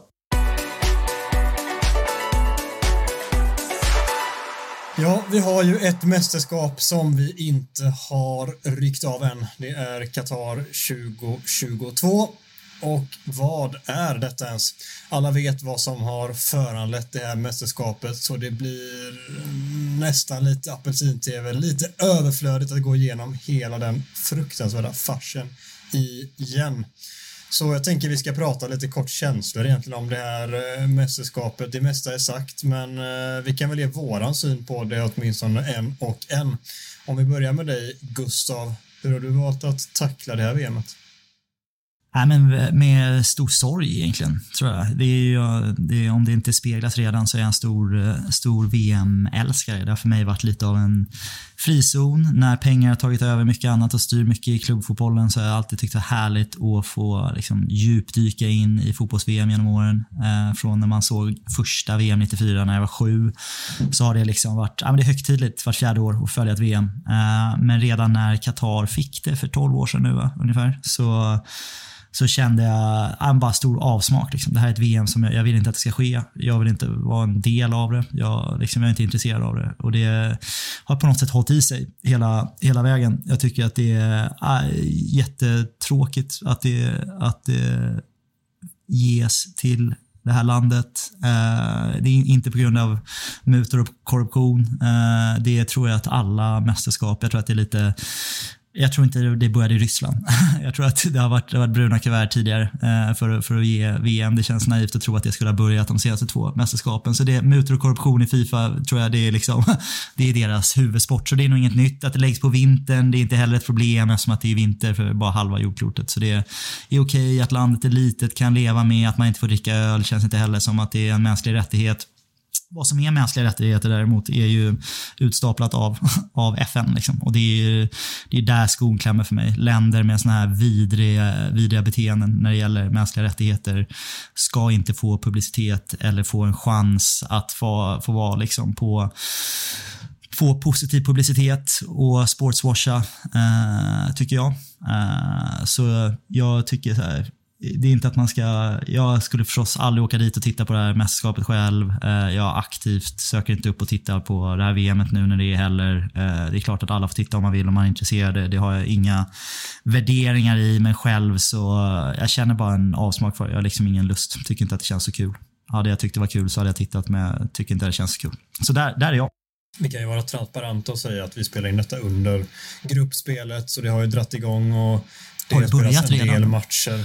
Ja, det Nej, har ska- gjort det redan för dig som har eh, valt att eh, gå i, i den här perioden. Micke, hur, eh, hur är du nu under VM? Jag, jag kan nog tänka mig att vi alla skriver under på väldigt mycket av det Gustav säger. Men hur väljer du att eh, tackla det här VMet? Tittar du? Hur intresserad är du? Eller är det totalt eh, iskallt?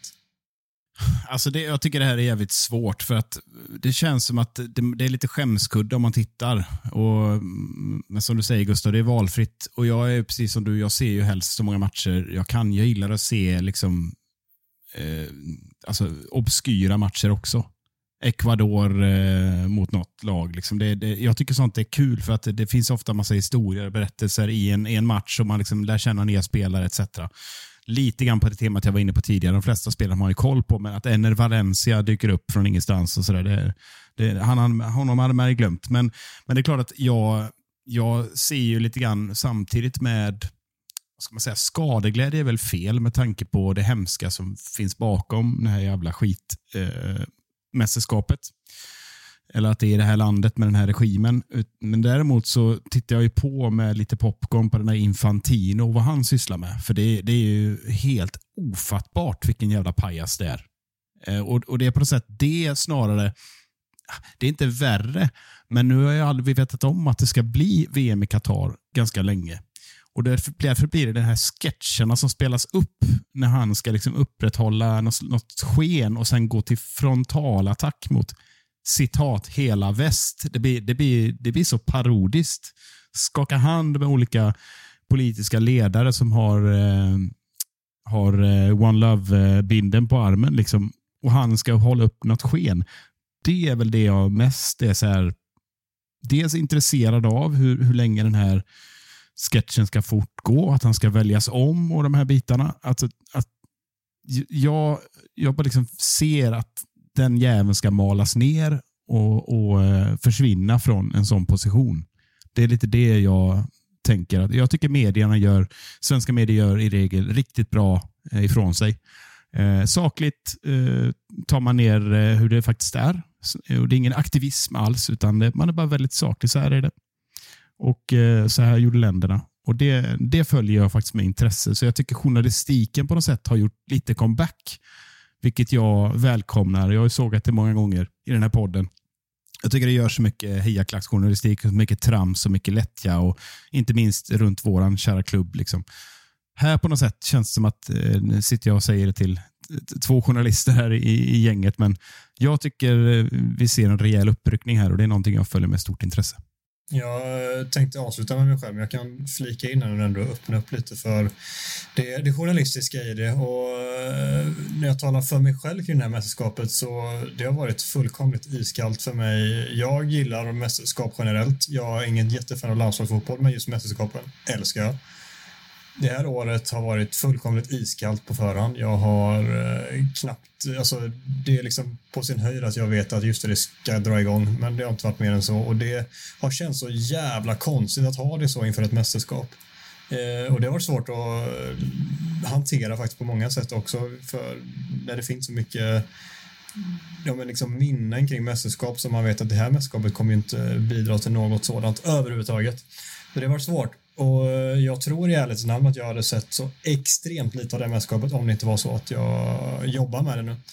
Att eh, på mitt jobb så behöver jag sitta och bevaka matcherna vilket har gjort att jag ser mer matcher vilket gör att jag också behöver ha koll lite på, eh, på fritiden också för att veta vad som faktiskt händer om jag med trovärdighet ska kunna rapportera om det sen också.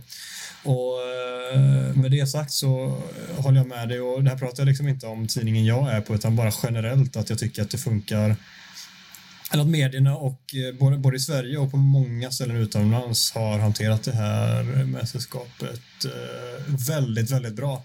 Så där vill jag stämma in i din sång Micke och säga att uh, det, är liksom, det är fullkomligt sakligt. Det är inte något form av, det är inte populistiskt eller något sätt uh, åt de hållen utan det är sakligt. Det är så berättar att så här har det varit, så här har det gått till, så här ser det ut och sen så kan man också i det och liksom rapportera om det som händer på planen. Och då har de hittat, de allra, allra flesta, en jävligt, eh, ja, men en, en, en jävligt okej okay balans i det hela. Och det, det, det är så jag har fått tackla det mästerskapet. Det har blivit professionellt istället för eh, privat och personligt som egentligen alla mästerskap i mitt liv har varit tidigare. Superrimligt. Och jag ska bara lägga till att jag följer ju också journalistiken jättemycket och tycker ju fotbollsjournalistik generellt jätteintressant. Extra intressant nu. Jag har ju följt journalistiken i 12 år så det är ju inte som att jag bojkottar den på något sätt. Eller bojkottar mästerskapet. Bara. Jag tycker att det, journalistiken har varit jätte, jättebra och det är jätteintressant. Och hade jag varit aktiv yrkesjournalist själv så hade jag jättegärna åkt ner till Qatar och jobbat med det som journalist. Kanske inte som vår kära Gary Neville gör och blir betald av Be-In eh, statliga Qatar-tvn. Den känns sådär. Champagne-socialisten Gary Neville. Eh, det är inte så snyggt. Eh, men eh, nej, men journalist, journalistiken följer och den har varit väldigt bra. Mackan, hur svalt eller osvalt tycker du att detta mästerskapet är? ja, iskallt.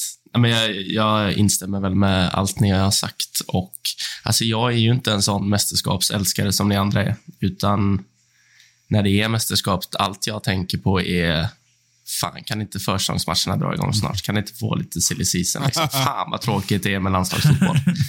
eh, så jag, jag, är ju, jag är ju extrem där. Eh, jag, jag, jag, tycker inte det är jättekul med VM och EM. Liksom. Eh, så detta VM... Jag, jag, tyck, jag, tycker det är kul att kolla på matcherna i vanliga fall, men detta VM... Jag, jag känner absolut ingenting för det. Alltså. Ingenting. Jag har på det i bakgrunden, visst, men eh, det, det är det på sin höjd. Jag kunde inte bry mig mindre.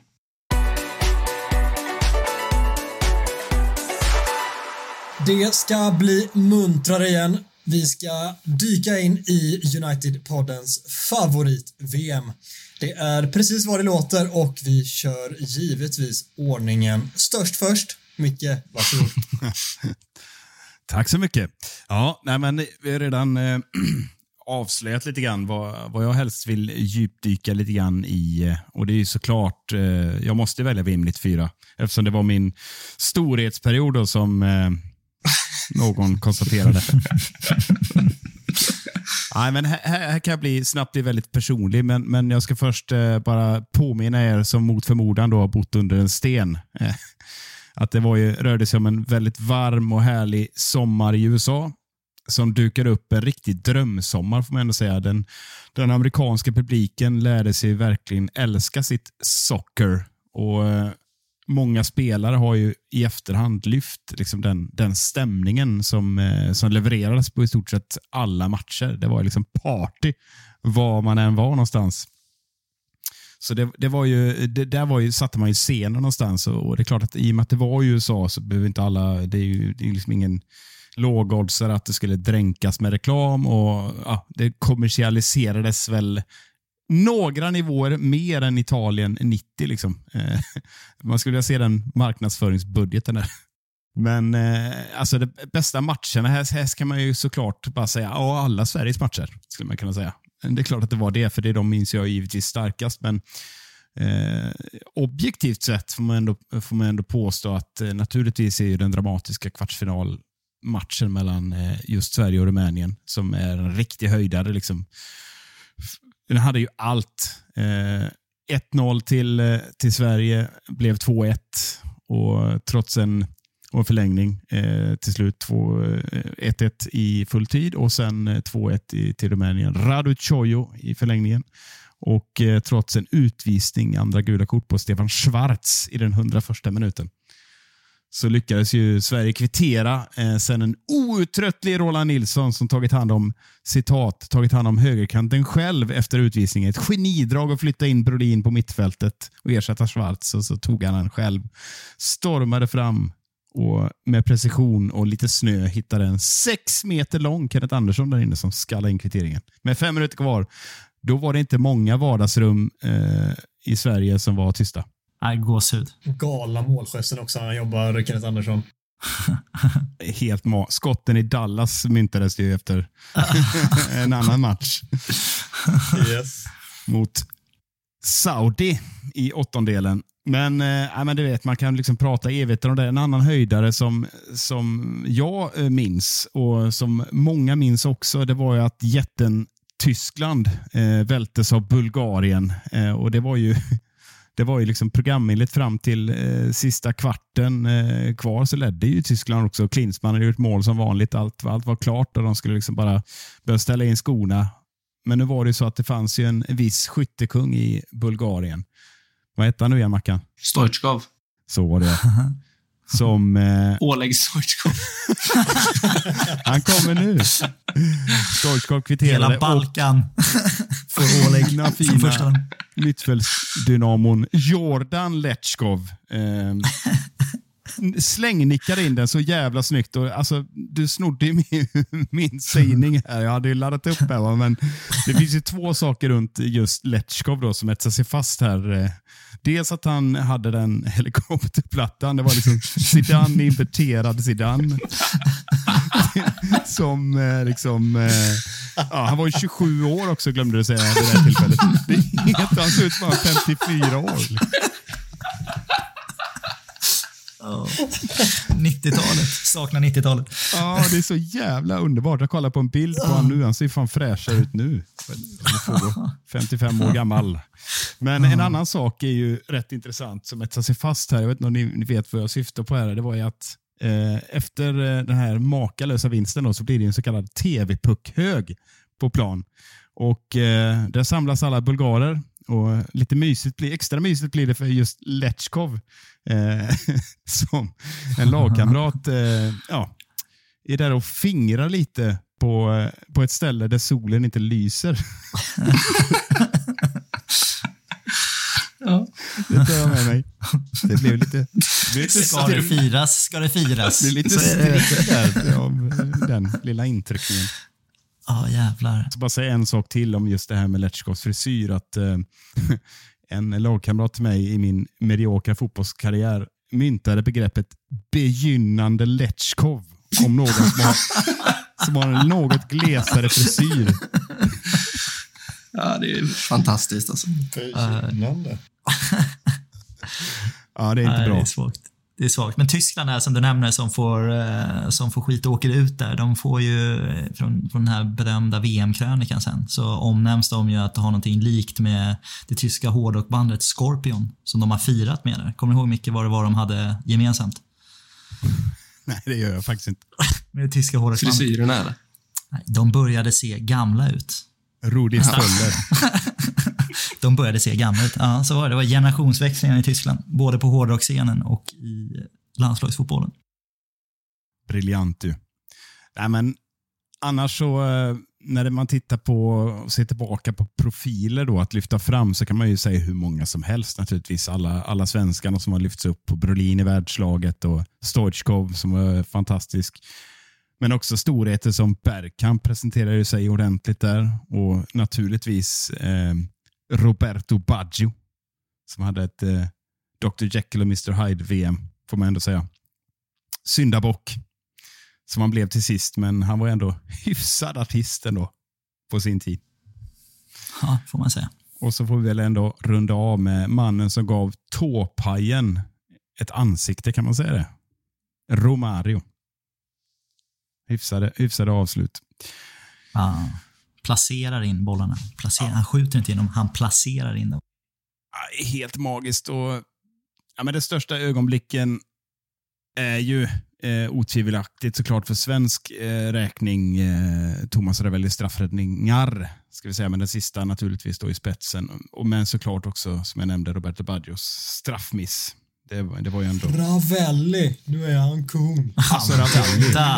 Nu. Söder, nu kommer han. Tårarna bara sprutar. Alltså Ravelli, nu är han kung.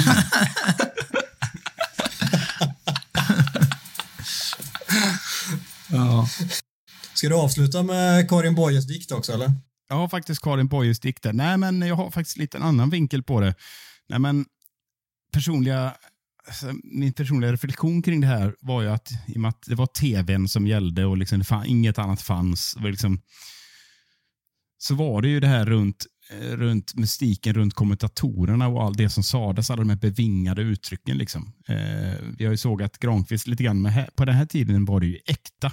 Och det är klart att visst har det hjälpt att jag har sett den här VM-krönikan 300 gånger. Jag hade den på VHS och sen DVD och sen, ja den ligger någonstans i något arkiv här för mig. Så jag har sett den ruggigt många gånger. Men vissa minnen är ju helt glasklara och jag, jag minns ett framför allt. Det är ju från premiären mot Kamerun.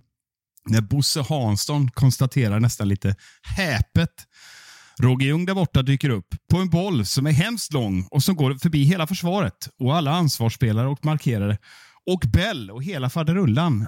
Det är till slut bara Ljung som är kvar där borta och han har praktiskt taget tom bur ur sin vinkel. Det är så jävla det är så skönt. Att Roger Ljung har liksom varit, stått vid sidan av planen och, eller varit ute och värmt upp och så dyker bara upp plötsligt. Det är Ja, det är så starkt. Det är på en, det är på en frispark som eh, det här Dalin faller lätt. Och domaren faller också för den. Det är också en jävla otrolig, Och otrolig Jonas- sägning. Alltså. Jonas Tern lyfter in den. Men det kändes ju annars, på tal om Bosse Hansson, att han var lite så här, ja, grundnegativ efter det här eh, senaste VMet 1-2, 1-2, 1-2. Han sa ju det också när, när, när Henke Larsson stänker dit kvitteringen på, eller förlåt, Dahlin stänker dit kvitteringen på Henke Larssons ribbskott. Så ja, nu kan det i alla fall inte sluta 1-2.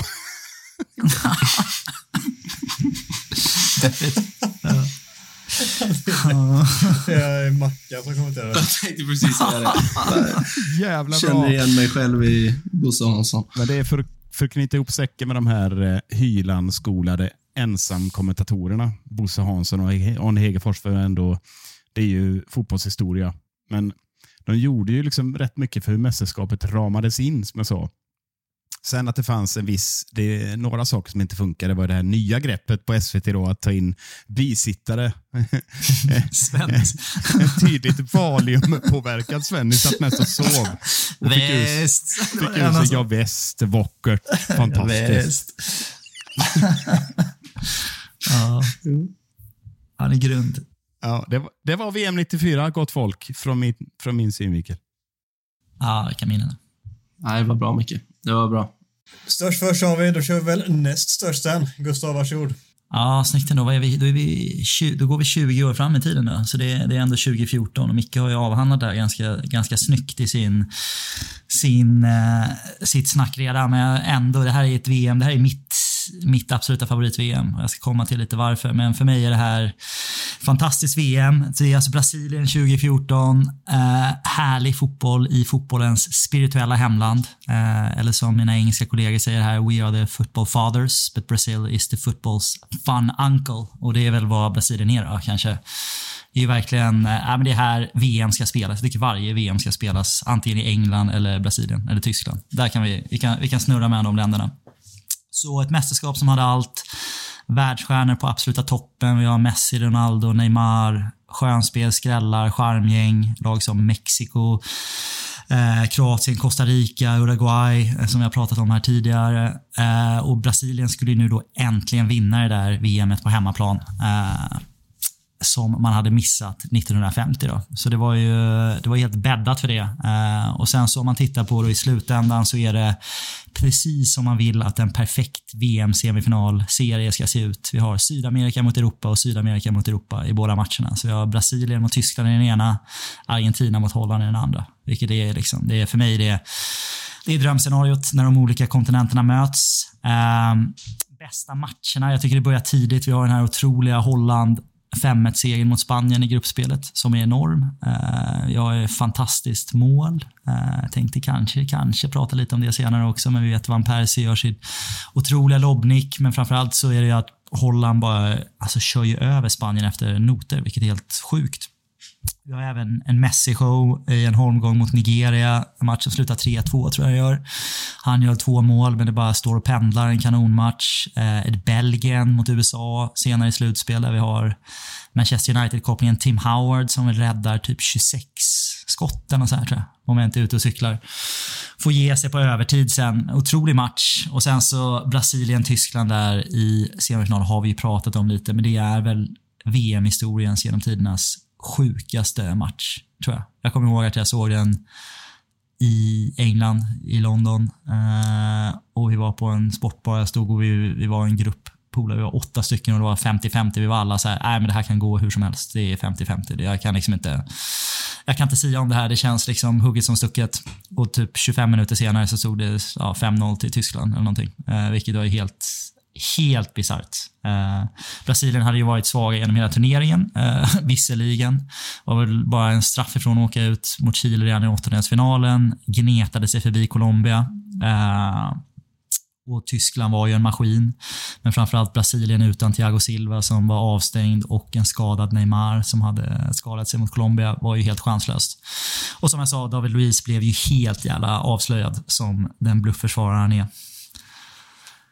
Så det är väl de bästa matcherna. Profilerna, förutom de världsspelarna som vi då har nämnt här, så är för mig är det en, den här eviga liksom VM-målvakten Jeremy Ochoa från Mexiko som alltid dyker upp och är liksom världens bästa målvakt vart fjärde år. Det är ju liksom en jävla fröjd att få följa honom alltså. Han är så jävla bra.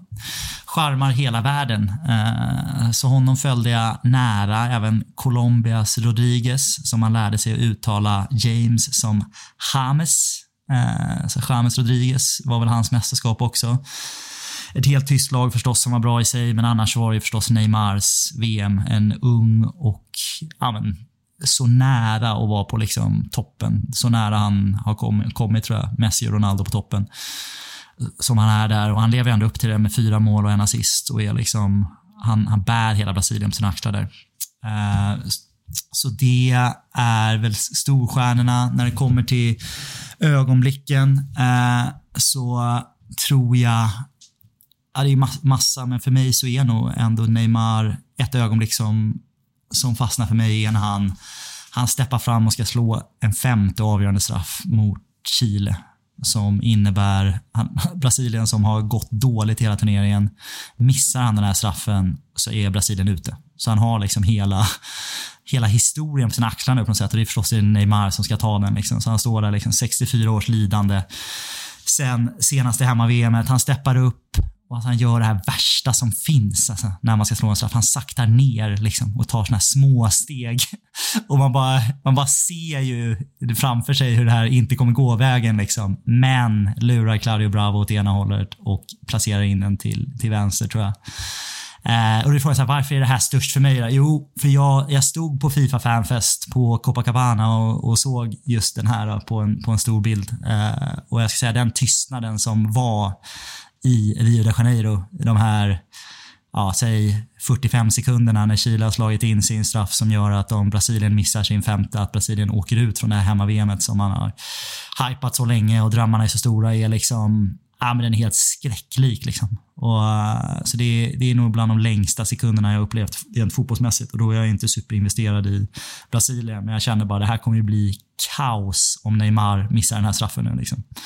Men det gjorde han inte och de lyckades mycket riktigt eh, ta sig förbi Chile sen och ändå gå, gå hela vägen till semifinal. Så det var godkänt eh, för Brasilien till slut. Då.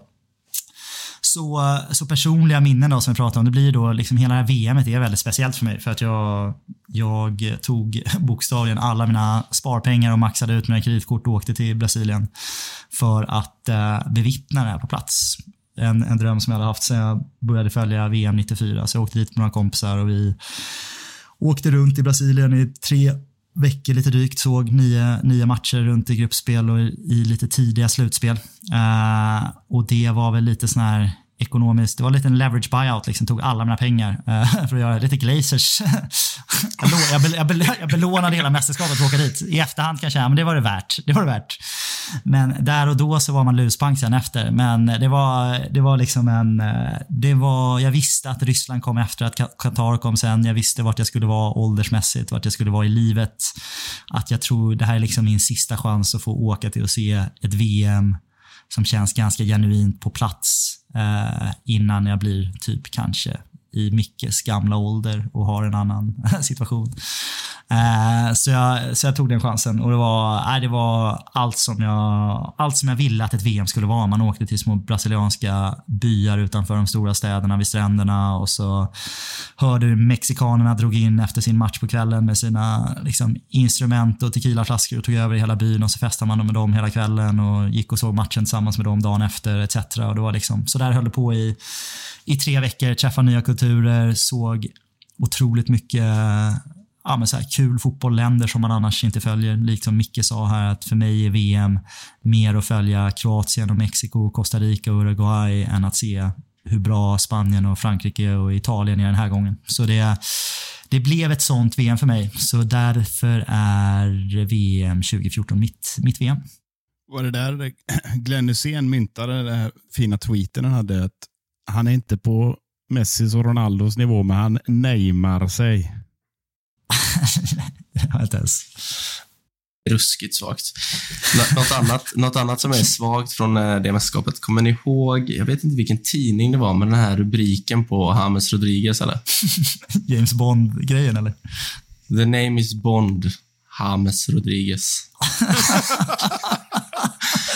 Det är så eh, Ja, är otrolig rubriksättning på, Vi hade, på den tidningen. vad vad hade vi mer där? Eh, Vi som följde hemifrån så fastnade jag mycket på Brasilien-experten i studion, Henrik Brandao Jönsson. Vilket jävla mästerskap han hade alltså. Fan vad bra han var. Ja. Det har man ju sett i efterhand alltså.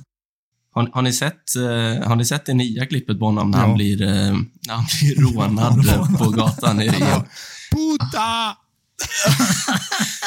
Alltså, till, till alla lyssnare som inte har sett det, se det nu. Ah, Det är Brandao. bland det roligaste som, eh, som finns där ute. Tycker jag var jävligt bra gjort, Gustav. Väldigt bra. Tackar. Två plus. Vem är, vem, är, vem är näst yngst då? Jag vet inte faktiskt. Ja, men Ni det är ju så Mackan, så. unga båda två. Är det så? Det är det. Då, då hoppar vi tillbaka 12 år här från, eh, från ditt mästerskap, eh, Gugge. Till VM 2002, som, eh, som var mitt första VM som jag kommer ihåg. Då var jag sju år gammal när det inträffade. Och som, eh, som mycket, man har typ glömt bort att det startade lite tidigare, men när jag tänker tillbaka på det, alltså jag kommer ihåg att vi fick se Sveriges två första matcher i skolan. Liksom. Och Det var så mycket som var fint. Man var sju år. Det var liksom en vecka kvar till sommarlov. Och så var det VM i skolan och man fick sitta och kolla fotboll på en sån riktigt eh, gammal tjock-tv som vägde typ 150 kilo. Så de, som de rullade in på en sån här eh, klassisk, eh, nästan, nästan som en sån overhead eh, eh, eh, typ. Så det kommer jag ihåg. Det, det, var ju, det var ju innan jag hade förstått att landslagsfotboll inte riktigt var för mig. Va? Men, ja, men det, det är mycket som jag kommer ihåg som var fint eh, med det mästerskapet. Och jag kommer ihåg att det var väldigt mycket snygga mål i gruppspelet. Jag kommer framförallt ihåg en volley från eh, Uruguays Dario Rodriguez som bara slicear in en vänstervolley i främre kryss mot Danmark. Jag tror det är första gruppspelsmatchen.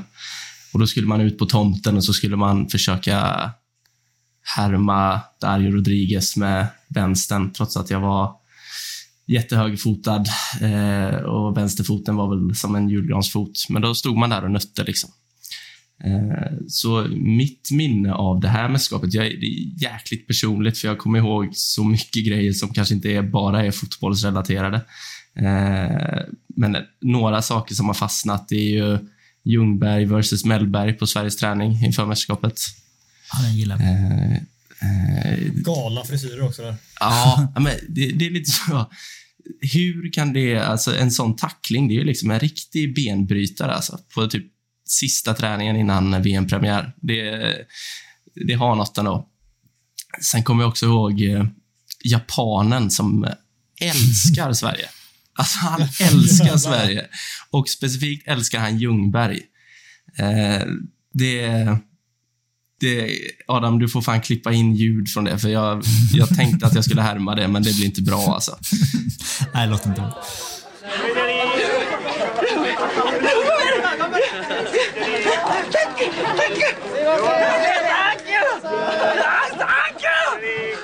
Men man, man kan ju gissa på att han inte är helt mjuk i brallan när Ljungberg vandrar förbi där.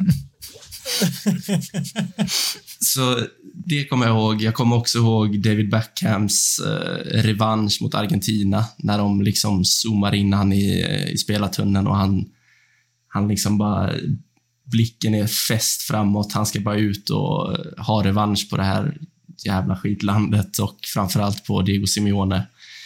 Eh, och det är väl väldigt passande att det är han som får trycka in den straffen som, som egentligen gör att de åker ut. Eh, så det, alltså Sverige, det var ju, det var ju en ganska medioker trupp när jag kollade igenom den så här. Typ fastnade vid några namn som jag bara, vilka fan är det? Det finns, det finns några riktigt luddiga försvarsspelare med som jag liksom, bara, vilka är det? Andreas Jakobsson, Eh, eller? Erik Andreas. Jakobsson, exakt. Eh, sen har vi, hjälp mig nu, vad fan heter han? Eh, han heter Turbo. Svensson. Nej. Thomas Antonelius. Ja, gnagare. gamla, just det, Thomas Antonius. Han bytte namn, var inte det? Thomas Mm. Gustafsson hette han förut, tror jag. Gustafsson. Ja. Sen eh, Håkan Mild var uttagen då, men eh, ersattes av eh, Pontus Farnerud, vilket är lite ironiskt med tanke på att eh, Håkan Mild för typ ett halvår sedan ersatte Pontus Farnerud med sig själv. Så det är, det är fint. Cirkeln sluten på alla sätt och vis där. Eh, nej, men... Eh, ja, men det var... Eh, Zlatans, första gången man fick se honom på riktigt i en landslagströja och Jag har mycket, mycket fina minnen. Eh, men så kom, man kan ju ihåg Taco Anders frispark mot Argentina. Eh, och Det som blir finare med den frisparken är att han rockar svarta Diadora-skor med lite gröna detaljer. Tycker jag är, ja, det är fint. Det är jävla ruskigt fint. Eh, sen, sen kommer man ihåg Ronaldos frisyr, såklart. Och eh, alltså Ronaldo och Rivaldo, vilken jävla duo det var. Alltså, som de spelade fotboll när de var på humör. Eh, så det var nog... eh, Det var, väldigt passande att det, att det blev Brasilien som vann till slut och inte, inte trötta Tyskland. Eh, och Ronaldo att- med någon sån här alltså- reverse Letchkov, eller är det inte det? Att han har liksom allt hår framme i pannan och ingenting. Det är liksom, om de bara hade kunnat slå sina huvuden ihop, bokstavligen liksom, så har vi ju en habil frisyr. Liksom. Ring varandra för fan. Eh, sen, så här, vet, jag har alltid utgått, jag har inte tänkt tillbaka så mycket på så här på VM i stort, men jag såg nu när jag kollade upp att Oliver Kahn faktiskt fick bästa spelaren i VM. Trots att Ronaldo då gjorde åtta mål. Det känns eh, för jävligt för eh, en målvakt ska fan aldrig prisas som turneringens bästa spelare. Oavsett. Det Tycker var jag. ett jättemisstag i finalen också, just mot Ronaldo också, som Exakt. lite, lite straffar Exakt. En- Men an, annars är han väl grym i turneringen. Det är han. Ja, han är säkert det, men han är ju inte bättre än Ronaldo. Liksom. Det är ändå världens bästa spelare i den tiden. Så eh, det är tråkigt. Eh, matcher man kommer ihåg, med, med tanke på att jag var sju år, så är det ju mest Sverige man kommer ihåg. Liksom. Det, det är svårt att inte fastna vid Sverige-Senegal. Eh, ja, som, eh, som Micke var inne på förut, stolpskottet som... Alltså det det är, så, det är så nära och det hade kunnat bli så bra. Alltså, då hade vi haft Turkiet i en kvart och det känns ju inte... Då känns det inte som att vi är långt borta från en ny semifinal som, som vi var då åtta år tidigare än detta. Um, sen kommer jag också ihåg såklart eh, England-Brasilien i kvarten. Ronaldinhos frispark. Var det ett inlägg? Var det ett skott? Ingen vet. Jag tror att det var ett skott. Jag tror att han gjorde det 100% med vilje. Det finns inget annat svar enligt mig. Ehm, så det är väl det jag så kommer ihåg direkt om man tänker matcher, spelare. Men vi har också några, några riktigt fina profiler som jag vill ta med mig från det här mästerskapet. Först ut har vi mannen som, eh, jag vet inte om han har slutat eh, volta än. Eh, Julius Agahova. Som när han gör mål mot Sverige gör typ, vad är, gör han fem volter eller? Säkert. Ja, det är ju sjukt alltså. Otroligt balanssinne, för om man hade försökt sig på det så hade man ju spytt 18 gånger och eh, brutit några ben. Eh, sen tar vi också med oss Kleberson såklart. Tror det. Ja, det... Honom ska vi ha, tänkte vi. Han, han, han, är ändå, han är ändå viktig för att Brasilien som vinner VM. Som Otroligt. typ, vad är han, 18 bast eller någonting? 19? Nej, är han så ung? Jag skulle vilja tror att han var i sin 20-årsålder, men det kanske han inte. Ja, det kanske han var. Det kanske han var. han var Han var, han var väl också förlovad med en 15-åring. Om jag inte minns helt fel. Och där, och där har du mig inte alltså. Så bara på det så borde ju United nog sagt nej tack, vi eh, kollar på någon annan. Men eh, så blev det inte. Pappa Boba Diop kommer man ihåg också. Senegals mittfalts... Eh, Hela Senegal var ju härliga. Liksom ett jävla härligt Senegal. Ja, de var ju det, men de, hade, de slog ju också ut Sverige, så man minns dem inte med så mycket Nej. kärlek ändå. Ehm, men eh, pappa Boba Diop minns jag. Eh, var också riktigt bra i Fulham eh, ganska många år efter. Eh, sen kommer jag ihåg den här sydkoreanska anfallaren som eh, skickade ut Italien ur eh, VM. An Jung-Wan.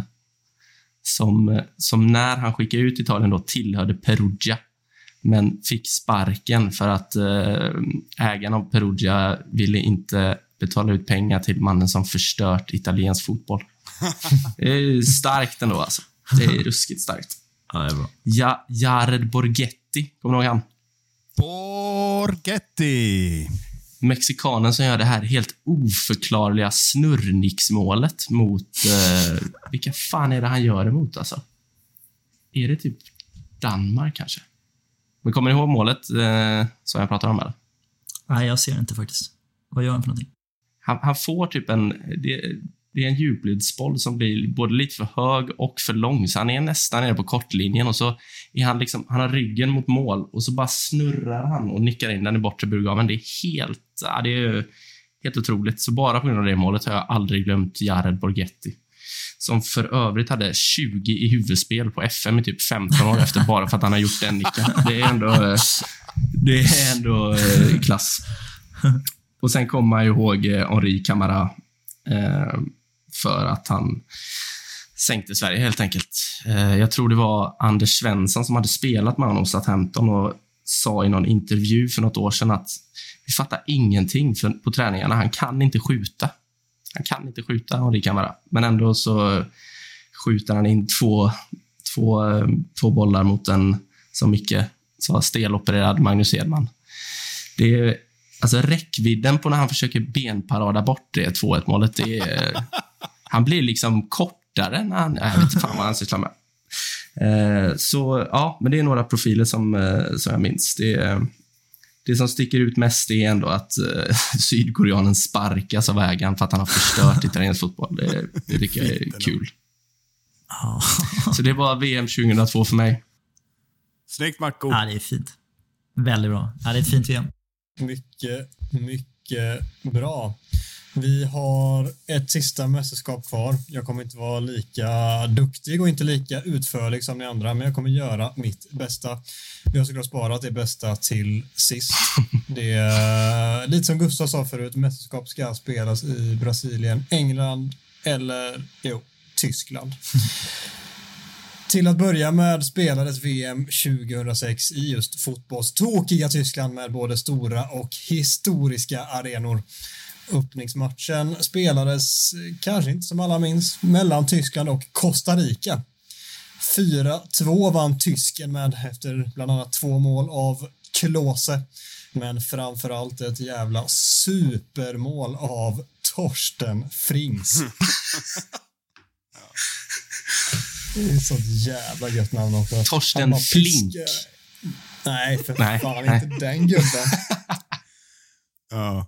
Pratar vi Fring så här. Han viker in oss med högerfoten en bra bit utan att straffområdet och bara trycker in bollen i bortre krysset. Det är supermål han gör. Det var inte många som hade tippat på det inför den matchen. Sverige deltog som bekant, vi har pratat om det här tidigare och kom till eh, spel med ett jävla kanonlag. I alla fall på pappret, många av dem. Är, vi har Ljungberg, vi har Zlatan, vi har United-legendaren Henke Larsson. Vi har Oljeshakes-chippen och gubbarna. Det blev, som vi alla vet, respass i åttondelsfinalen mot tysken när en stolt, som Micke benämnde det, grimaserande Carlos Simon visar ut teddybjörnen Lucic. Annars då, ett jävla tryck på läktarna där Sverige hade ett hav av gula tröjor överallt på både arenor och på gatorna. Lite matcher som vi minns här är ju såklart Sverige-matcherna. Vi har 0-0 mot Trinidad och Tobago. Vi har 1-0 mot Paraguay efter ett görsent mål samt 2-2 mot Svennis England innan uttaget mot just tysken. I övrigt så har vi en match som eh, vi med United-hjärtan kan titta tillbaka på med eh, blandad förtjusning på. England mot Portugal, en viss batalj mellan Ronaldo och Rooney. Hur eh, vill vi minnas den här egentligen? Vad har du för minne av den, Micke? Inte mer än att jag höll stenhårt på Rooney såklart, men eh, alltid tagit Rooneys parti. Det är ingen efterhandskonstruktion. Bra. Nej, bra. Samma här. Samma här. Team Rooney även då och nu. Vi har ju annars, eh, ja, vi har ju finalen såklart, det var ingen skönspel i sig, men satan så mycket den innehöll den matchen. Det är Zidans straffchip till att börja med via ribban och så typ mållinjen och in. Vi har eh, Materazzis kvittering, vi har Zidans skalle som har ordats som tillräckligt i det här laget. Och så har vi en straffläggning på det med Grande Grosso som avgör. Italienarna vinner som bekant. Lite profiler då. Vi har eh, Grande Grosso som jag nyss nämnde. Vi har en Cannavaro som var en jävla gigant i mästerskapet. Utsåg som enda back någonsin, tror jag väl fortfarande än idag, till världens bästa spelare. Fick Ballon d'Or. Korta Vi mittbackar. har ju, ja, exakt. Korta mittbackar. De kan tydligen inte vara bra på fotboll och sånt, har vi fått lära oss. Vi har en eh, Zinedine Zidane som såklart ska nämnas i sitt sista mästerskap, sista framträdande i den franska landslagströjan. Slutade besynnerligt, eller också kanske perfekt för honom. Vi har tjocke Ronaldo, alltså riktiga Ronaldo. Och det finns Alltså det finns ju så jävla mycket spelare till. Vi hade Ronaldinho som var med här och fan det finns så mycket profiler att nämna. Men eh, någon, någon där som ni känner att jag har glömt att lyfta som bara måste nämnas. Nej. Nej, det känns... Du har dem där faktiskt. Du har Det dem. låter heltäckande. Fan vad gött.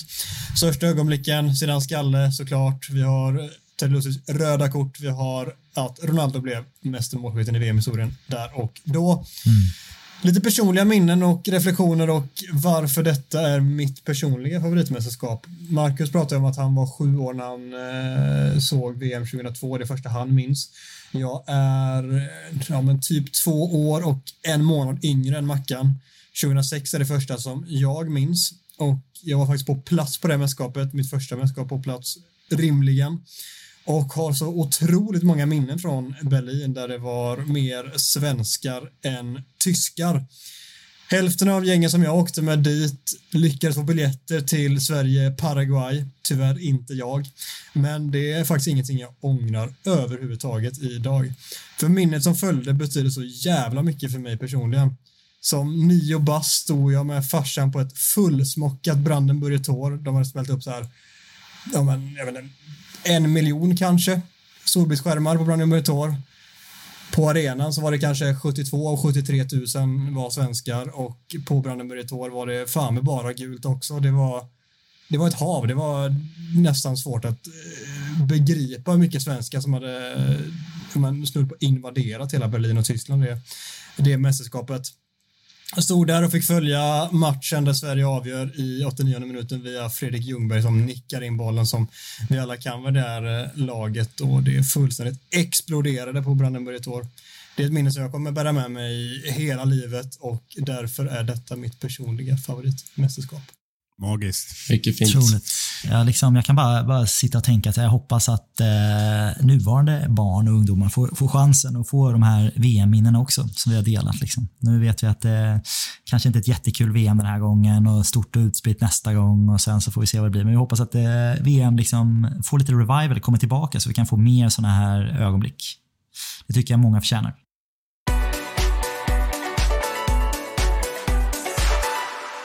Som utlovat ska vi avsluta med lite United-koppling och punkten heter såklart Gugges United-VM. Ja, att det kommer undan med att fortsätta kalla mig Gugge. Alltså. Men okej, okay, jag är så trött. Vi är så långt in i avsnittet så jag orkar inte ta fighten idag. Det innebär inte att jag inte kommer ta fighten framöver. Men här kommer i alla fall mina tio bästa United-minnen genom historien. Och då vet jag att ni direkt tänker att vart kommer BB placera sig här med sin prestation i hemlösas VM? Men den är, den är inte med på listan. Också faktiskt, eh, det är tveksamt om han någonsin spelade i hemlösas VM eller inte. Det är kanske någon som kan, kan reda ut det där. Finns. finns BB. Ja, referens till avsnitt 23. Uh, fotbollsfilosofiska rummet diskuterar BBs potentiella existens. Nej, nu kör vi. Uh, plats nummer 10. Vi, vi hoppar rakt in i uh, den första Manchester United-spelaren som spelade ett fotbolls-VM. Och det är John Aston den äldre. Eh, Notera den äldre. Mittback som spelar från start i två av Englands tre matcher i VM 1950 i Brasilien. Eh, John Aston den äldre spelade alltså 250 matcher för United, vann både ligan och FA-cupen. Blev sen lite tränare för klubben, eh, där han bland annat tränade John Aston den yngre, John Aston Jr, lite kändare, eh, som var en del av det kända Busby Babes, så han vann betydligt mer under sina år. Eh, mer i truppen fanns även en kille som hette Henry Cockburn, men han fick ingen speltid. Så John Aston är den första United-spelaren i VM. Plats nummer 10. Plats nummer 9, det här har vi pratat lite om. Jag tänkte att jag skulle pegga upp här, vem är jag pratar om? Men vi har redan avslöjat hur det var så att United fick för sig att köpa en enorm flopp. Eh, och varför han hamnar hos oss efter sin prestation i VM 2002. Brasilien var storfavorit och stjärnfyllt.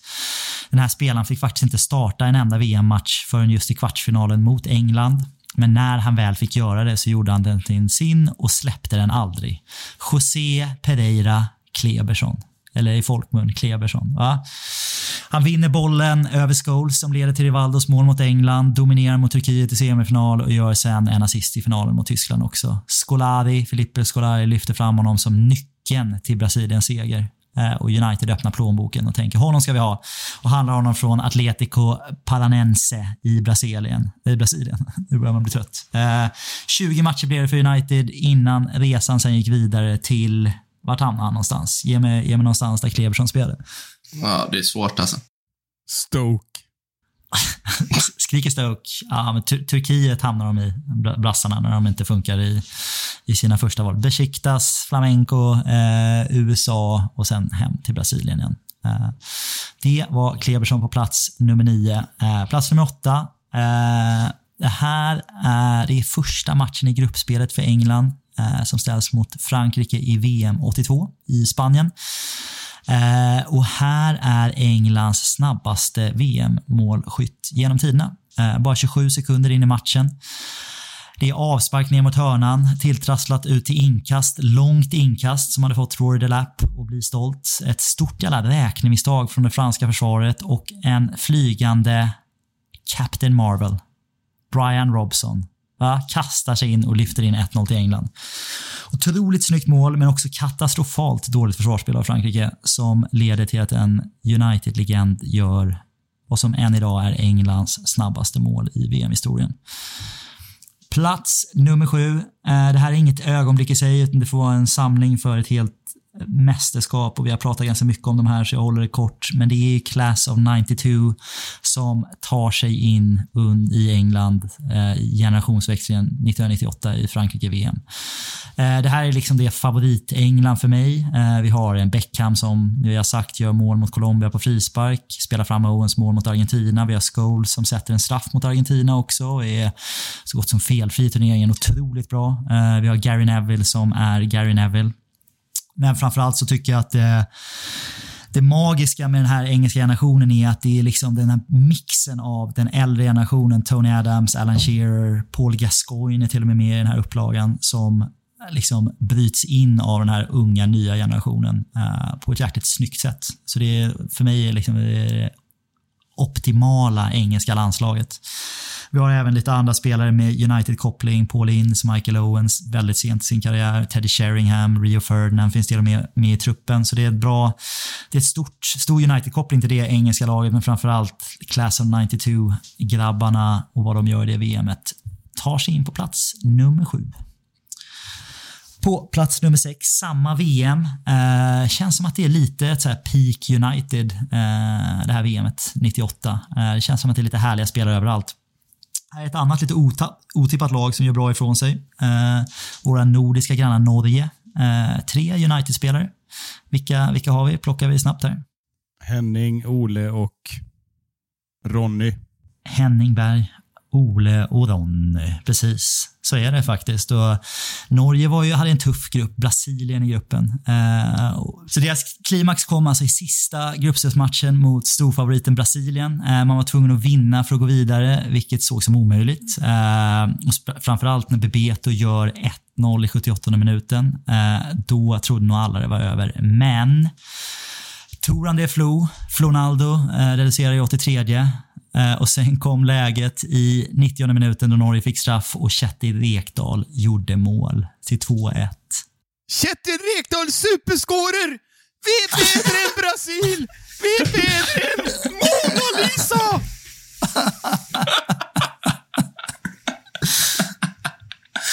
ja. Adlibba alla mina referat, Micke, med, med kommentarer. Norge leder 2-1. Briljant. Det är så bra. Ja, det är otroligt. Och med på plan är förstås både Henning Berg och Ronny Jonsson från start. Och eh, symboliskt så börjar förstås Solskär på bänken. Vart han än spelar, tror jag, oavsett vilken division han är, ska han alltid börja på bänken. Han ska alltid bytas in, men han ska också alltid börja på bänken. Spelar ingen, bra, spelar ingen roll hur bra han är eller hur dåligt laget är. Så det är Norge på plats nummer sex. Vi skruvar fram till plats nummer fem. Här har vi varit och touchat lite innan. Jag är lite besviken på att Mackan inte gav credit till en annan spelare i den här matchen, eller det här laget som vi pratade om. Vi är i ett varmt New Jersey i USA på 94 i juni. Eh, fotbollsvärlden domineras av ett Italien eh, som har några av världens absolut största stjärnor i sitt lag. Donadoni, Masado, Albertini, Baggio, Badesi, Maldini. Listan kan göras lång. Eh, och återigen är det en underdog som måste vinna här i sista gruppspelsmatchen mot just Italien för att ta sig vidare ur gruppen. Och det är ju Bobby Charltons bror Jackie Charlton som leder det irländska manskapet eh, som lyckas stå för den här superskrällen och slå just Italien. Och Roy Keane som vi konstaterar är ju en superhjälte i Irland. En ung Roy Keane gör fantastisk prestation, men så även Dennis Irvin. Eh, vår ja, men troligtvis vår bästa vänsterback va, genom tiderna. Så uh, båda de är på plats när Irland står för den här stora bragden. Eh, det finns även en till United-spelare där, Paul McGrath, som är med i truppen. Lite mindre leg legendstatus på honom i United, men så det får bli plats nummer fem. Plats nummer fyra har vi också avhandlat ganska snabbt tidigare. Stormy Norman 1982 eh, hade bara gjort två matcher för United när han blev uttagen som Mackan redan har sagt här för Nordirland då, och blev den yngsta spelaren genom tiderna som 17 år och 41 dagar. Eh, så det, då slog han Pelés rekord, vilket vi har snackat om. Eh, plats nummer tre, också förstås någonting vi har nämnt lite grann här, Beckhams straff 2002. Vi minns bakgrunden, vad som hände 98, utvisad mot Simone. England möter Argentina i gruppspelet. Han sätter 1-0 på straff i mitten och byter sedan symboliskt tröja med Diego Simone efter matchen. Det är väl lite cirkeln i sluten. Det är lite, nu är det över och det helvetet han gick igenom de, de åren efter 98 där eh, kan vi i alla fall konstatera. Man kan ju tycka vad man vill om Beckham idag, men där och då har han det tufft och tuffare än vad han förtjänar kan man ju känna. Men han repade sig från det och det har gått helt okej för honom. Så det var plats nummer tre. Plats nummer två, ett, ja, ett favorit-VM-mål som jag hintat om här tidigare. Eh, en kombination mellan en blivande United-spelare och en dåvarande United-spelare som avslutas med en high-five med en framtida United-tränare. Bara det är ju magiskt. Va? Daley Blinds svepande passning från halva plan. Van Persis otroliga vision eh, att språnglobbnicka över Icar Casillas, eh, Casillas. Det är liksom Ja, det är så jävla vackert. Och det är också att han är så jävla koncentrerad bara på att göra det han ska göra. Att han ska lobba in den här bollen över Casillas. Att han skiter i hur ont det kommer göra när han landar med huvudet först i gräsmattan. Liksom. För det är helt irrelevant. Det handlar bara om att göra det här målet. Och det är därför Van Persie är en sån otrolig jävla nummer nio. Uh, och var fantastisk. Är det ett av de vackraste målen i mästerskapen någonsin? Eller? Jag tycker nästan det. Jag tycker nästan det. Den är, det är också nästan Daily Blinds liksom, svepande djupledskross liksom, som är, det är så mycket som är så estetiskt vackert i det här. Och att just kameramannen står precis bakom Daily Blind också. Man har den där fantastiska vinkeln. Att man har fått, fått se den. Är liksom, det gör det inte mindre estetiskt. Så det är ett, ett magiskt mål. Och en Van Persie som springer ut och high-fivar eh, Louis van Gaal vid linjen sen efter. Det är fint alltså. På, eh, på tal om Daily Blint. Har han en eh, begynnande läppskav eller? Jag visste att det skulle komma något sånt. Ja. Han har faktiskt, eh, spoiler alert, han har lite, lite samma frisyrsyndrom som eh, mannen på plats nummer ett här. Eh, så vi, vi lägger in en virtuell trumvirvel där och så kan vi konstatera att 1966 så var Bobby Charlton störst i världen och han hade en sån jävla conover alltså, som han drog över sitt huvud. så där, där har Daley Blind, han kan titta på honom när han känner sig lite osäker över sitt, sitt stagnerande hårfäste, att Bobby Charlton hade det värre alltså. Det var inte många, det var en riktig jävla Homer Simpson, tre jävla hårstrån över, över kalet där. Alltså. vad, var det, vad var det du kallade den, Micke? Vad var det du kallade den frisyren? Kommer du ihåg när du hade frisyrspecial? Det var... fan var det? Det var en omvänd mohawk eller Ja, något. det var en sidmoikan. Mohikan. Ja, det är den där fantastiska bilden på hans jävla nickduell där. När, det är, när han har mohikan på sidan.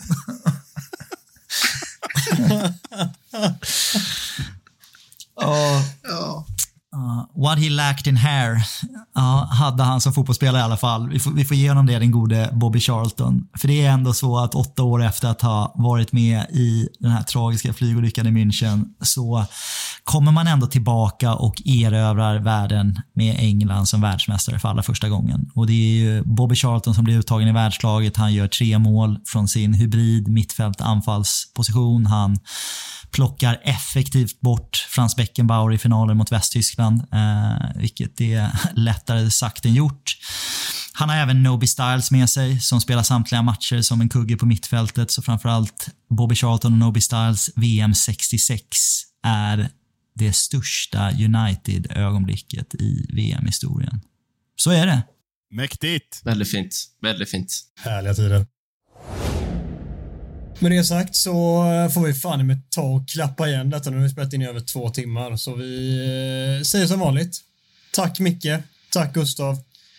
Tack Marcus. Tack Adam. Varsågod. Och så hälsar vi er som har tagit er hela vägen hit. Ni förtjänar bragdguldet. Skicka jättegärna in ett eh, meddelande om ni har lyssnat hela vägen hit, för jag tror fan att vi får in ett enda i så fall. Gör det, ta hand om er, sprid vår podd vidare, följ oss på sociala medier, ni vet vad ni ska göra. Ta hand om er ute.